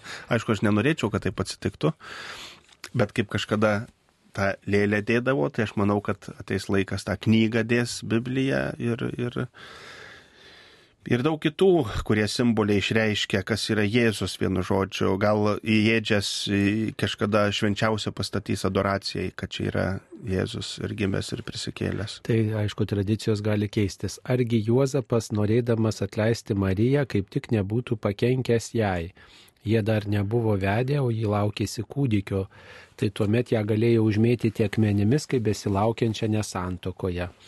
Nu, ne tiek, kad nesantokui, bet kaip jau neištikima, kai, kai Marija buvo susižadėjusi, tai jinai, kaip sakant, jau saistyta Juozapo ištikimybė ir staiga dar ir pabrėžta, dar nepradėjus jiems kartu gyventi. Susižadėję, bet nepradėjus kartu gyventi tampa nešė, tai Juozapas, būdamas teisus, tylomis atleisti, tai reiškia panaikinti sužadituvių susitarimą, kad jinai nebūtų apkaltinta neištikimybė ir neužmėtytų akmenimis. Tai Juozapas šiuo atveju šiaip elgės labai kilniai, jisai pamina savo kaip vyro, sakykime, norą būti teisiu prieš žmonės teisingų, nes tai sakys, tai kokia čia dabar boba susiradai, klausyk, ne, taip jau, nu, žargoniškai labai kalbu, kad jau tau ragus statų vienu žodžiu dar sužadėjus ir jau va, ne? Ir, ir Juozapas e, sako, žinai, Marija, gal aš ir nesuprantu, bet darom taip, kad aš tada naikinu sužadėtuvių raštą, kad tu nebūtum vienu žodžiu, nes kaž tuose artimuose rytuose ir aplamai tuose, sakykime, kraštuose, nu ir dabar moteris yra labai baudžiamos už ypatingai ištekėjusios už neištikimybę, tai kažkodėl, vy, nu, man tas nepatinka, kad vyrai ka- kaip ir laisvi vienu žodžiu, o moteris tai akmenim užmėto būdu, tada tai jeigu mėto, tai jie būdu mėtykit ten tais akmenim. Tai daug tokios neteisybės moterų atžvilgių ir tas yra labai labai liūdna. E, Bet Juozapas šiuo atveju skuba panaikinti susitarimą, kad buvo sužadėję, kad Marijai negrėstų jau kaip Bausmė už neištikimybę. Taip. Ar verta vykti dirbti su šeima ir mažu vaiku į užsienį dėl dvigubai didesnio atlyginimo? Žmona nesidžiaugia santoka, mamos buvimu, nori grįžti į savo buvusį miestą, susitikėti nėti su draugėmis, būti laisva ir užsimti savo hobiais, nenori daugiau vaikų, ką jai patarti. Nu, visada turbūt verta vykti į užsienį, jeigu jums stinga pinigų ir ieškoti išeities, kur daugiau užsidirbti. Tai, bet reikia pasverti ir visus iššūkius, kurie turbūt bus nuvykus į užsienį. Nu, kaip ten bebūtų, bet iš tikrųjų šitos klausimus ne Marijos radijas e, gali atsakinėti, tai galima eiti pasitarti pas savo parapijos kleboną, vienu žodžiu, bet mes tikrai nesame. Per tie... nuotolį labai sunku iš tiesų ir patarti, įsigilinti į žmogaus situaciją, bet reikia turbūt pasvarstyti įvairius variantus. Gal ir čia įmanoma daugiau užsidirbti, nes tas buvimas savam krašte visuomet nu, yra daugiau privalumų. Turbūt. Reikia rasti kompromisą, turi, kuriam turi pritarta bus sutoktiniai. Bet tai kompromisas, gal metus, du pabūsim mane, tada grįšim. Nu kažkas, jeigu vienas taikosi, kitas nesitaiko, nu tada vienas sutarė, kad tu važiuok, aš pabūsiu vienu Bet tada žodžiu. yra grėsmė šeimai, reikia ir apie tai pagalvoti. Jau Daug tada žmona šeimų- sakys, aš sustikinėsiu ne tik su draugiam, bet ir su draugais, vienu žodžiu. Na, nu, taip. čia, čia vienu žodžiu yra situacija sena kaip pats gyvenimas. Žmona nesidžiaugia santoka, nu kągi, mamos buvimu. E, Tai e, žinoma, kad e, turbūt reikėtų kažkaip atnaujinti tą ryšį su žmona, važiuoti kažkokias rekolekcijas į kelionę dviese. Nu, žinot, gyvenant Kad- su mama tai retas, kuris džiaugtų santoką. Pavyzdžiui, jeigu aš būčiau vedęs ir gyvenčiau su šuošvenė, tai aš irgi nesidžiaugčiau santoką. Nu, va. Taigi, mato, tai reikėtų atskirai gyventi. Tai tos mamos. Vienareikšmiškai, jau geriau nežinau, kur nori, geriau šuns bodoji, bet atskirai vienu žodžiu, bet nei su Nu, mama, tai, nei su... o kur grįžti prie šaknų, kur puoselėti tradicijas, taigi čia iš uošvenių, iš mamų tos tradicijos eina. Kaip sak, aš, aš nenoriu per radiją, žinai, taip jokaut, bet grįšim prie šaknų. Kur yra šaknis? Kur yra šaknis, pavyzdžiui, kur medžio šaknis? Po žemę. Nu, va. tai, Ak, tai jūs tik šitokį grįžimą tai propaguojate. prie šaknų. bet, bet dar nenusileidus po žemę reikia gal Tai grįžti. Norit prie lapų grįžti, prie šaknų, sakykit. Aš noriu grįžti prie šaknų, nelendant po žemę. Žinai, šaknės viršuje jos tiesiog. Taip, šaknis, kad būtų viršui. Taip, mums paskambino. Aleksandras iš Alitaus. Taip, Aleksandrai, klauskite. Turiu klausimą, kuris man neduoda ramybės. Taip, Vis galvoju ir galvoju.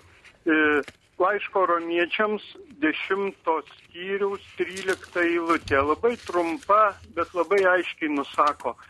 Ar e, toks nusikaltelis kaip Putinas ir jo gaujos nariai ir panašus e, istorijoje buvę nusikalteliai e, pakartoja tą eilutę, bus išgelbėti?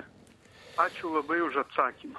taip, e, laišką romiečiams atsiverčiame, dešimtas skyrius, trylikta eilutė. Kiekvienas, kuris šaukėsi viešpaties vardo, bus išgelbėtas. Numatot, mes e, turbūt Dievo gailestingumo negalim apriboti, išmatuoti ir vis dėlto turim pripažinti, kad net didžiausias nusikaltėlis, net didžiausias nusidėjėlis, kuris net ir daugiausiai padaręs yra žalos, vis dėlto kažkokiu būdu matyti gali būti sulaukti viešpaties gailestingumo ir tai suprasti mums gali padėti tik Dievas. Iš tiesų savo žmogiškų protų mes mums sunku suprasti, kaip galima atleisti Hitleriui, Stalinui, gali ir būti ir, ir šio laikiniams diktatoriams, e, kurie O Aš žudo. manau, kad mums reikėtų galbūt pažvelgti per tą prizmę, kad taip kaip mes suvokiam mirtį ir kaip jinai yra Dievui, tai jos nėra. Dievas mirties nesukūrė, per velnio pavydą mirtis atsirado ir Dievas mirties nesukūrė. Taip kaip mes vis dėlto žmogiškai suvokiam mirtį, atrodo, kad va, žuvo ir nėra. Nu tai čia mum taip atrodo. Ir atrodo, kad va pražudė tenais e, tūkstančių žmonių, šimtais tūkstančiai žmonių ten per antrą pasaulinį karą, ten tiesiog sunkiai suvokiama. Tai Dievui reikia pripažinti, kad nėra tokios mirties, kaip mum jinai yra, kad e, Dievas tai įsikūnė žinodamas, kad prisikels. Mes tai tikim, kad prisikelsim. Tai viskas visai iš kit, kitų žvilgsnių, kitų kampų ir aš manau, kad e, mes labai dažnai įsivaizduojam Dievą per savo prizmę. Nu, pažiūrėjau, dabar įsivaizduokit tokį dalyką.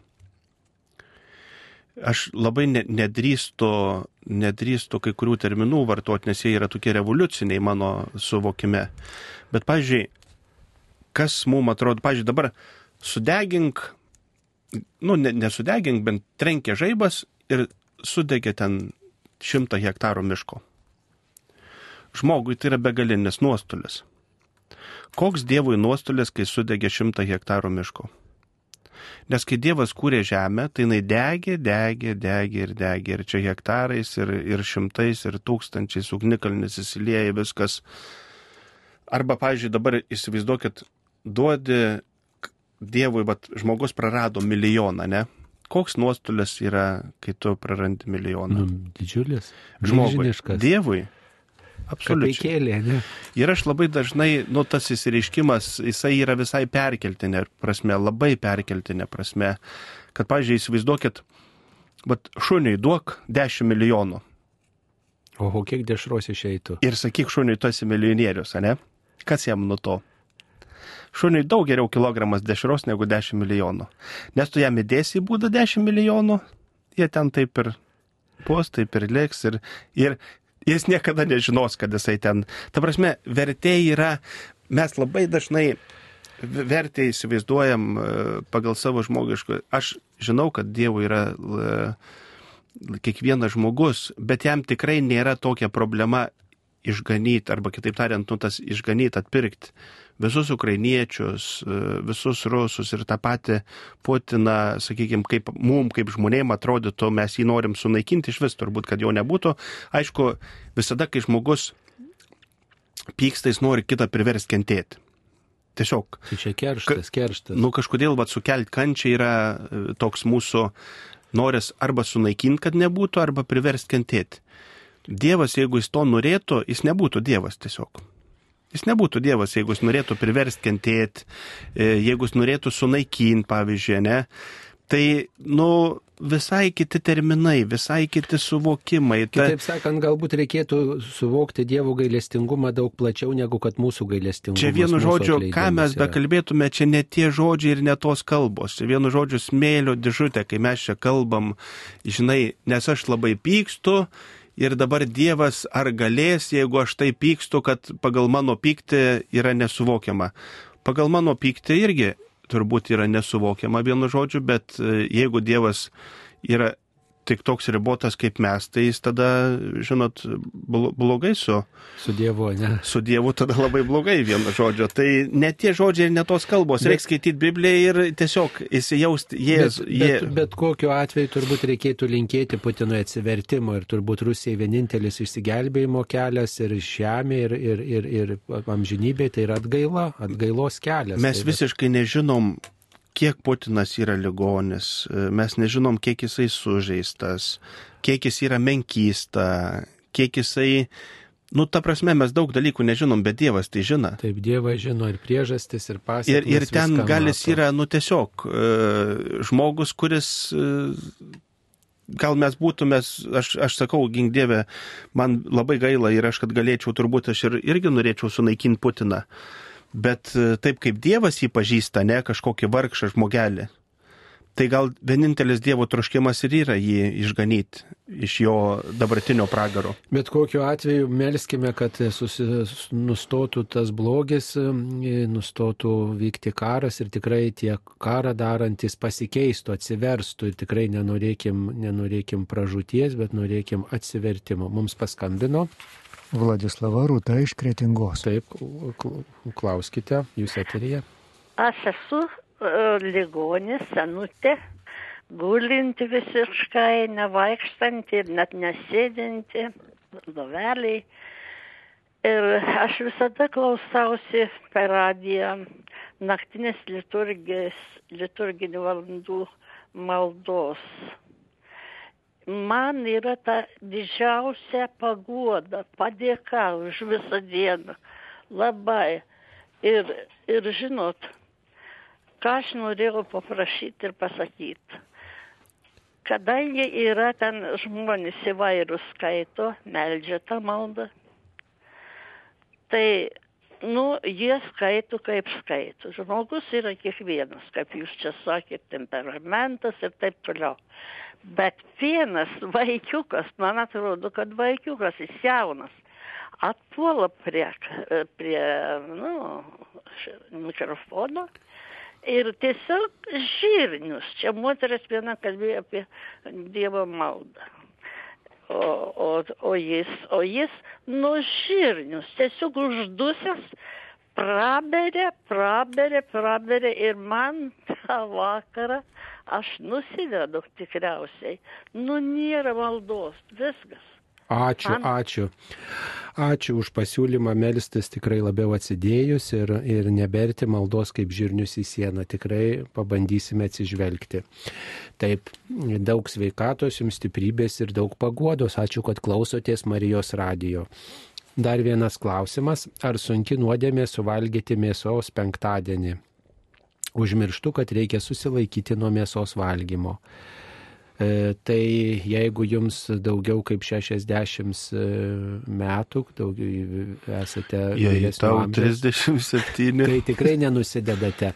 Bet, e, žodžiu, jeigu užmirštate, tai vėl tai nėra tos blogos valios, bet turbūt reikėtų planuoti ir, ir valgio gaminimą ir, ir taip pat savo maistą ir prisiminti, ne? Ir be to prisiminti, kad pasninkas arba susivaldymas, tiksliau pasakyti, reikėtų apie penktadienio valgymą. Susivaldymas nėra tik tai atsisakymas mėsos, bet ir tam tikras kažkoks sutaupimas, kad galėtume pasidalinti su tais, kurie neturi.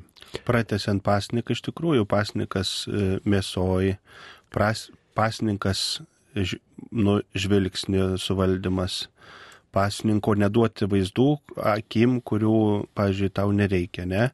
E, Pasniko, pasnikas yra neklausyti, nedalyvauti plėtkose, sakyti, aš pasnikauju. Arba aplamai e, pasninką pasidaryti tą dieną nekalbėti visiškai nereikalingų žodžių, nes žmogus praplepa, pliotkina, apšmeižia ir pasidaryti pasniką, nekalbėti nereikalingų žodžių. Ir kaip sakė vienas šventasis, kas iš to, kad nevalgai mėsos, nuolat ėdė savo artimą. Tai vienu žodžiu irgi tam tikras mėsos valdymas, nes nervai yra vis tiek iš mėsos, ne, sudaryti. Tai va, jeigu ėdi nervus kitų, tai irgi nepasnikauji, nors ir blynų gali būti prisivalgęs. Neturėjau nei mažiausios abejonės tikėjimo tiesomis, bet kaip suprasti švenčiausio sakramento paslapti, jei nieko nejauti po šventos komunijos, gal nevertai priėmiau. Man tai čia žinokit, iš tikrųjų aš paimsiu jokios paslapties nėra. Man iš tikrai nuoširdžiai pasakysiu. O sak sako, Kristus prisikėlė. Ir čia stebuklas, ne? Aš manau, kad būtų stebuklas, jeigu jis būtų neprisikėlęs. Kaip gali neprisikelti gyvybės kuriejas? Nu įsivaizduokit, gyvybės kuriejas ir neprisikeltų, va čia tai būtų stebuklas. O kad gyvybės kuriejas prisikėlė, tai čia man absoliučiai jokia stebukla. Čia tiesiog, nu, norma yra. Nu, bet vis tiek duonos kasnelį Ne, ne. pasilieka gyvas Dievas. Tai Tai aš, čia... tu, tai aš tuo ir pasakysiu kitą pavyzdį labai paprastą. Aš kai gyvenau kaime, buvau vaikas, perin, perindavau viščiukus. O, Ne? ant kiaušinių pats sėdėdavot. Ne. Vienu žodžiu, aš nesidėdavau, bet e, įsivaizduokit, perindavau viščiukus ir man jau kaip vaikui, man daug didesnė paslaptis yra negu Jėzaus buvimas duonoj. Kiaušinės yra baltymas ir trinys. Ir kaip iš baltymo ir trynio per tris savaitės, pabrėžiu, per tris savaitės atsiranda akis, žarnos, plunksnos, oda, kojos, kaulai, nervai. Tai įsivaizduokit, Jėzui per mišes pasilikti duonoj, ką viščiukas perdaro per tris savaitės, tai tikrai nėra sudėtingiau, kas įvyksta iš trinių ir baltymo. Kitaip tariant, žiūrėkit, visiškai pasikeičia materija. Iš trinių ir baltymo nelieka nieko, kas buvo, nieko. Ir atsiranda viskas, ko nebuvo. Tai ten užkoduota tame trinyje baltyme tas viščiukas, jau kaip sakant. tai- pradas yra jau ten. Tai, kaip viščiuko. sakant, duonoje lygiai taip pačiai, jeigu paimkim, paimkim Betlehem, yra duonos namai, ne? Kur Jėzus gimsta duonos namuose. Tai viskas yra, kaip sakant, Dievo plane ir kad būtų labai keista, jeigu Dievas pasiliktų cepelinuose, pavyzdžiui, nes tuo metu cepelinų nebuvo, ne? Tai tada tik viena tauta turėtų, Jėzų kiti neturėtų. Lietuviai, ne? Tai va, o dabar vyno visi turi, kaip sakant, duonos visi turi vienokios ar kitokios. Tai, ką jūs sakot, vis dėlto taip normaliai paėmus iš Dievo perspektyvos, tai čia jokio su, suvokimo nereikia. Čia lygiai tas pats kaip 13,6 milijardai šviesmečio. Tai, tai nieko nesudėtingiau, kai Eucharistijoje Jėzus ir 13,6 milijardus šviesmečio knygą būtų galima parašyti, ne? Eucharistija ir 13,6 milijardus viešmečių. Nu, tai vad, kada turėsiu knygą, bus mano ketvirta knyga, nes pirmą knygą, kurią planuoju rašyti kaip juda akmenis, paskui kiek kainuoja netikėjimas, paskui 13,7 gramų aukso ir dabar vat, e, bus ketvirta Tai knyga. skubėkite, nes nespėsit. Jėzus parašyti Eucharistijoje ir keturias- 13,6 milijardai šviesmečių. Tai va, ką tik atsirado mano knyga, ketvirtą reikia užsirašyti pavadinimą. Tai kada nors, kai būsiu pensijoje, aš... Na tai skubėkite, dabar matot, taip. taip sakant, pavojus yra tos pensijos, ar mes sulauksime. Nu, kitaip sakant, e, čia žmogaus protų įminti turbūt nelengva, bet e, ne, ne protų turbūt reikia įminti, bet atsiremti į Dievo meilę, kad Dievo meilė nėra neįmanomų dalykų ir viešpats tikrai dėl mūsų tą daro. Taip, 13,6 milijardų šviesmečių. O ką jausti ar nejausti, tai čia nu, virš jausmų turbūt tas susitikimas su Dievu yra virš jausmų. E, Dar vienas e, klausimas mums bus užduotas e, per telefono aparatą. Genė iš Vilniaus rajono. Taip, klauskite. Garbė Jėzui Per Kristui. amžius. Čia vienoje laidoje buvo pasišaipyta iš moters, kuri šaukė per mišęs. Aš maniau, kad negalima iš ligonio e, šaipytis, kuri neša sunku kryžių. Ir katalikams būdingas gailestingumas, kai mes galime iš žmogaus negalio šaipytis. Taip, ačiū labai, mes žinot, žmonės kartais pasiduodam silpnumui ir vienus ar kitus dalykus padarė. Tai ne dėl to, kad mes, jeigu kažką padarom, tai galvojam, kad oi gerai padarėm. Gal kažkas, e, vienu žodžiu, per stipriai, per daug. Aš, pažiūrėjau, būna sekman, sakau pamokslą ir kartais galvoju, va to galėjau ir nepasakyti. Irgi tokį per aštrų liežuvį kitą kartą pasakau, ko nereikia pasakyti. Tai jeigu kažkas tą pasakė, tai negalvokit, kad žmogaus yra tokia nuolatinė nuostata, pažiūrėjau, arba nuolatinė būsena, kad aš tiesiog gal jis išėjęs po to laidos galvoja, o matai, pralaimėjau šitą, nu, vat, meilės artimui kovą, ne? Tai tas e, visiškai čia aš nieko nenoriu teisinti, bet e, tiesiog kartais kai kažkada čia vienas žmogus e, kažką ten Facebook'e pasidalina apie išdavi, išdavystę, išdavikus ir aš prašiau, o kuris iš mūsų nesam buvę veidmainis, ten buvo apie veidmainystę, ne? Ir jeigu paimt, kuris iš mūsų nesam buvę veidmainis, vat, aš esu buvęs, tu esi buvęs, ne? Visi yra. Kuris iš mūsų nesam buvę veidmainė, ne? Visi. Tai kuris iš mūsų nesam iš kažko pasišaipę. Nereiškia, kad mūsų pastovi nuostata yra šaipytis, ne? Mūsų apsisprendimas yra būti gailestingais, bet kartais mes tiesiog paimam ir pasišaipom. Taip, dar vienas skambutis mums. Kasgi paskambino? Elena iš Aukštaitijos. Taip, Elena, klauskite, jūs eteryje. Garbė Kristui. Per amžius. Aš norėjau paklausti tokį klausimą. Čia va praeitą savaitę buvo laida e, apie e, Kristaus genealogiją pagal Juozapo liniją. Juk Juozapas tai nėra kraujo tėvas Kristui, o, o pagal Marijos liniją labiau turėtų būti, bet pagal Mariją visiškai niekada niekas nekalba, kokia, kokia Juozapo genealogija, tai yra Kristaus ge- genealogija pagal, Mariją, pagal motinos Marijos liniją, kaip, kaip jos, jos ten Ona su. Jakimu, kokia, kokia jų kilmė, iš kur jie yra, Taip, o, o pagal. Juozapą tai... tai Kuris čia dabar pulsim atsakyti? Tai, tai gal jūs pradėkite, aš užbaigsiu. Gerai, šitą. Tai reikia pasakyti, kad e, ta tėvystė labai svarbi, tos tėvystės tokia teisinė linija. Juozapas tas e, teisiškai yra e, Jėzaus tėvas ir paveldi visas teisės, tas, kurias turėjo ir Juozapas.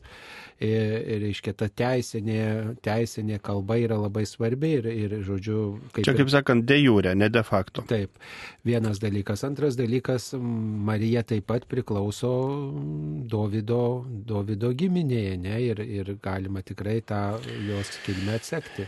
Dar reikėtų pastebėti vieną dalyką, kai jūs va dabar vėl, kaip yra lengva viską spręsti šiandien 21 amžiaus, ne, kas buvo tuo metu moteris. Tiesiog niekas, kurią galėjo bet kada, bet kas užmušti akmenim. Įsivaizduokit, ir šiandieną krikščionybė ką padaro e, ypatingai moterim, kokią dovaną atneša, kad Jėzus, kalbėdamas su Samarietė, ateina, įsivaizduokit, tuo metu moteris net negalėjo liūdėti teisme, kaip, nu, ta prasme, kaip niekas, kuris, nu, negali liūdėti teisme, kaip, nu, ne, tiesiog iš principo negali, nes yra moteris. Ir ką padaro Jėzus? Kas pirmas paskelbė apie Jėzaus prisikelimą? Kas pirmas pamato? Marija Magdalietė, moteris, kuri negali liūdėti, kas ją patikės, ta prasme, jinai moteris. Tai kad ten būtų kažkur Biblijoje parašyta iš moters pusės, ta prasme, nu, čia per amžius nėra girdėta. Nu, tiesiog taip net fiziškai, nei fiziškai, nei teisiškai, nei, nei niekaip, niekaip tiesiog buvo neįmanoma, nes Marija buvo ta, kurią labai lengvai galėjo užmušti akmenimis ir, ir ten klausimų niekam nebūtų kilę. Ir, ir dabar sakyti, kodėl ne iš Marijos ir visa kita, dėl to, kad tuo metu ir dabar tuose kraštuose, sakykime, kur nėra krikščionybės, moteris mes matom, pusę pasaulio moterų negali nei futbolo žiūrėti, nei mokytis, nei vairuoti, nei balsuoti, ir dėl to, kad ten nėra krikščionybės. Ką atnešė Jėzus, tai didžiausia dovana atnešė moterim, su krikščionybė būtent atėjo krikščionybė, Taip. žinot, santoka. Jinai visur buvo ir krikščionybė, bet ką krikščionybė įneša į santoką? Kad santokai reikalinga meilė. Jūs paimkite dar kitur, kur ten reikia meilės.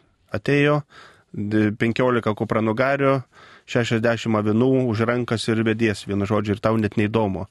Jėzus būtent su krikščionybė atneš, kad santokoje, nes santoka buvo ir iki krikščionybės, ta prasme, jinai nėra, santoka nėra krikščionybės produktas, santoka nėra krikščionybės kažkoks, santokai buvo nuo tada, kai buvo žmonės, bet jinai nebuvo siejama su meile.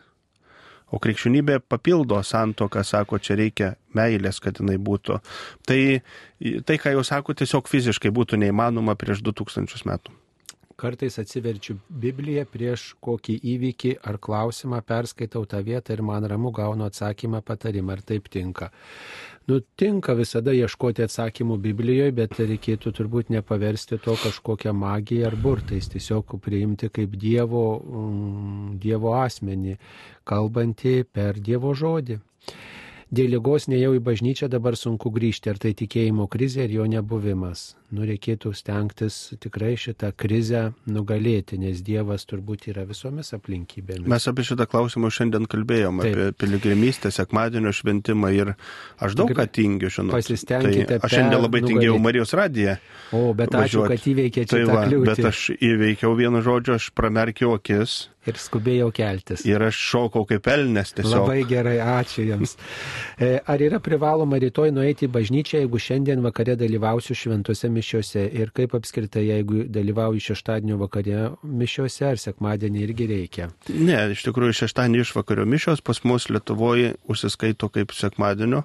Tik baisi problema, šeštadienio vakare rinkliavos nedaro. Tai žinot, čia... O reikėtų daryti, nes yra sekmadienio daryti. Tai čia vienu žodžiu toks šventimas gaunas, kaip sakant, jums šventimas, bet mums tai ne. Nu, tai, tai kviečiam ir jūs švesti. Čia, žinot, kai vienas kunigas žmonės klausia, kiek už santoką reikia paukoti, žinot.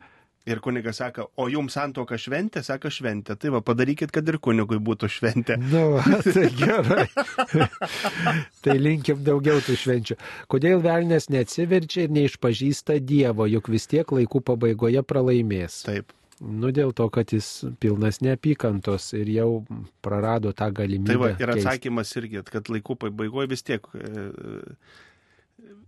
pralaimės ir va čia klausia apie Putiną. Nu, laikų pabaigoje vis tiek galutinis žodis bus ir kai ateis tas e, laikas, kada ateis gyvų ir mirusių teisti, vienu žodžiu, tai va ir išsispręs visi Hitlerio ir Putiną klausimai. Taip. Ar šventą įraštą galima įvardinti kaip rinkinėlį? Vakar per žaidimą Tapinas taip išsitarė. Nu, o, netikintis tap, žmonės ta, gali tai pavadinti. Tai čia, sakant, Tam tikrą prasme ir yra knygų rinkinys, bet mes aš, iš pagarbos. Aš, aš vakar klausiau tokių ten uh, Katlerio, Stonkaus ten uh, pokalbio apie religiją. Tai žinot, tai toks jausmas, kad pirmokai susėdę kalba apie kvantinę fiziką, vienu žodžiu. Tai nu, man kaip teologui tai buvo klaiko, vienu nu, žodžiu. Pati linkim, kad jie klausytų Marijos radijo. Mums paskambino. Tai, ten kažkas kalba, tai taip. Klausytoja teklė. Taip, e, klauskite. E, aš noriu viski paklausti, kodėl, kodėl bažnyčiui dabar jau po visų tų triukšmų, po visų tų vedelybių nesiverčia bažnyčia kodėl, kodėl taip, aš radau parašytą, kad reiškia, kad yra didžiausias blogis bažnyčioje. Ir atsakymas yra nepamaldus dalymas šventos komunijos. Reiškia stačiom. Ir į rankas dar jau, į rankas beveik pasibaigė. Ir, ir būtų baisiai gerai, kada, supranti, e, žmonės būtų laimingesni, kad galėtų priimti šventą komuniją, e, kaip nuo to klaupkoj padaryti, klausimus kokius nors, kad atiklausti žmonės čia negalėtų. Daug kas priimtų komuniją. Taip, ačiū, supratome, supratome. Tai tikrai komunijos prieimimo klausimas labai jautrus yra ir čia mes turbūt klausom viskupų konferencijos nutarimų kaip tame krašte įprasta priimti. Jeigu jums įprasta priimti atsiklaupus komuniją ir taip labiau norite, tai tokia, to, taip galite ir priimti. Tiesiog palaukit, kai visi priima taip, kaip nustatyta, taip, kaip įprasta jiems, o jūs priimkite taip, kaip jums patogu, bet priimkite galbūt pabaigoje, kad kitiems netrukdytumėte. Va, o šiaip mes klausom šito klausimų viskupų visų, kaip jie viskupai nustato, kaip tame krašte komunija priimama, stovint, atsiklaupus į ranką, į burną dalyjant. Aš tai Pavyzdžiui, pas mus bažnyčiai tai žmonės kaip kas nori, taip ir priema, kas atsiklaupęs, kas atsistojęs, taip. kas į ranką. Tai, bet dažniausiai žmonės tai priema tuo senoviniu būdu ir, ir tikrai yra ir atsiklaupus. Ir aš manau, kad kiekvienas iš jų pamaldus tas būdas yra Priimtinas. tinkamas ir priimtinas. Svarbu, kaip mūsų širdies nusiteikimas, su kokia širdies nuostata mes priimam, jeigu mes pilni puikybės, bet atsiklaupiam ir čia vaizduojam pamaldesnius e, už kitus žmonės, tai irgi turbūt. Aš manau, kas yra nevertai priimti komuniją. Nevertai ne tai, kad neturi nuodėmės, nes tu nuodėmę visada turi. Tai vienu žodžiu, kas iš to, kad atlikai išpažinti, tai aš tikrai nusidėsiu iki komunijos, e, kol ateis, tai aš nusidėsiu ne kartą. Tai aš galiu pasakyti, kad nevertai yra ne tai, kai tu neturi jokios nuodėmės, bet nevertai, kad tu netiki, kad tai yra Jėzus Kristus, kad tai yra tai, ką imkite ir valgykite, nes tai mano kūnas. Va, kai tu ateini kažkokį priimti vafliuką, tenais bliniuką arba dar kažkas, va čia yra nevertai. Kai tu netiki Jėzaus Kristaus e, testamentu, tai čia yra nevertai. Taip. Tai dabar dar vienas klausimas, kodėl nebekalėdojama, kunigė, kodėl nebekalėdojat?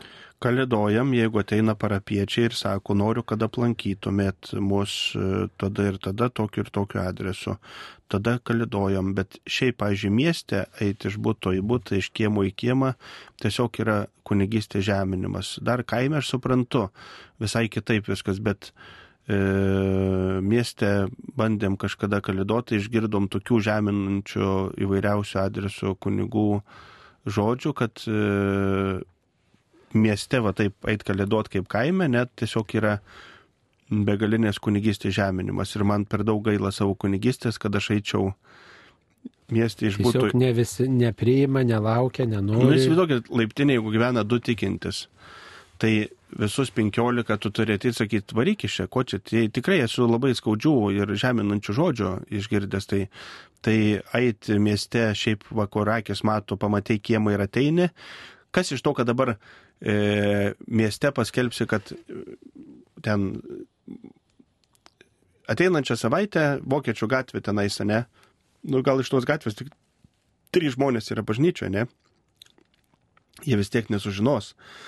Ten, ta prasme, mieste ant tiek, yra viskas sudėtinga ir komplikuota, kad eiti taip kalėdot kaip kaime tiesiog yra neįmanoma, o kaimuose aš manau, kad kunigai labai sėkmingai kalėdoja iki šios dienos. Taigi, Taigi, mėly Marijos radio klausytojai, ačiū, kurie skambinote, kurie siuntėte žinutės, ačiū, kurie klausėtės ir ačiū kunigui Audriu Mikitiukui iš Ančių Taip. parapijos Kaune. Prie mikrofono buvo aš kunigas Saulis Bužauskas, būkite palaiminti, geros dienos ir gražių ateinančių viešpaties metų. Ačiū, sudė. Sudė.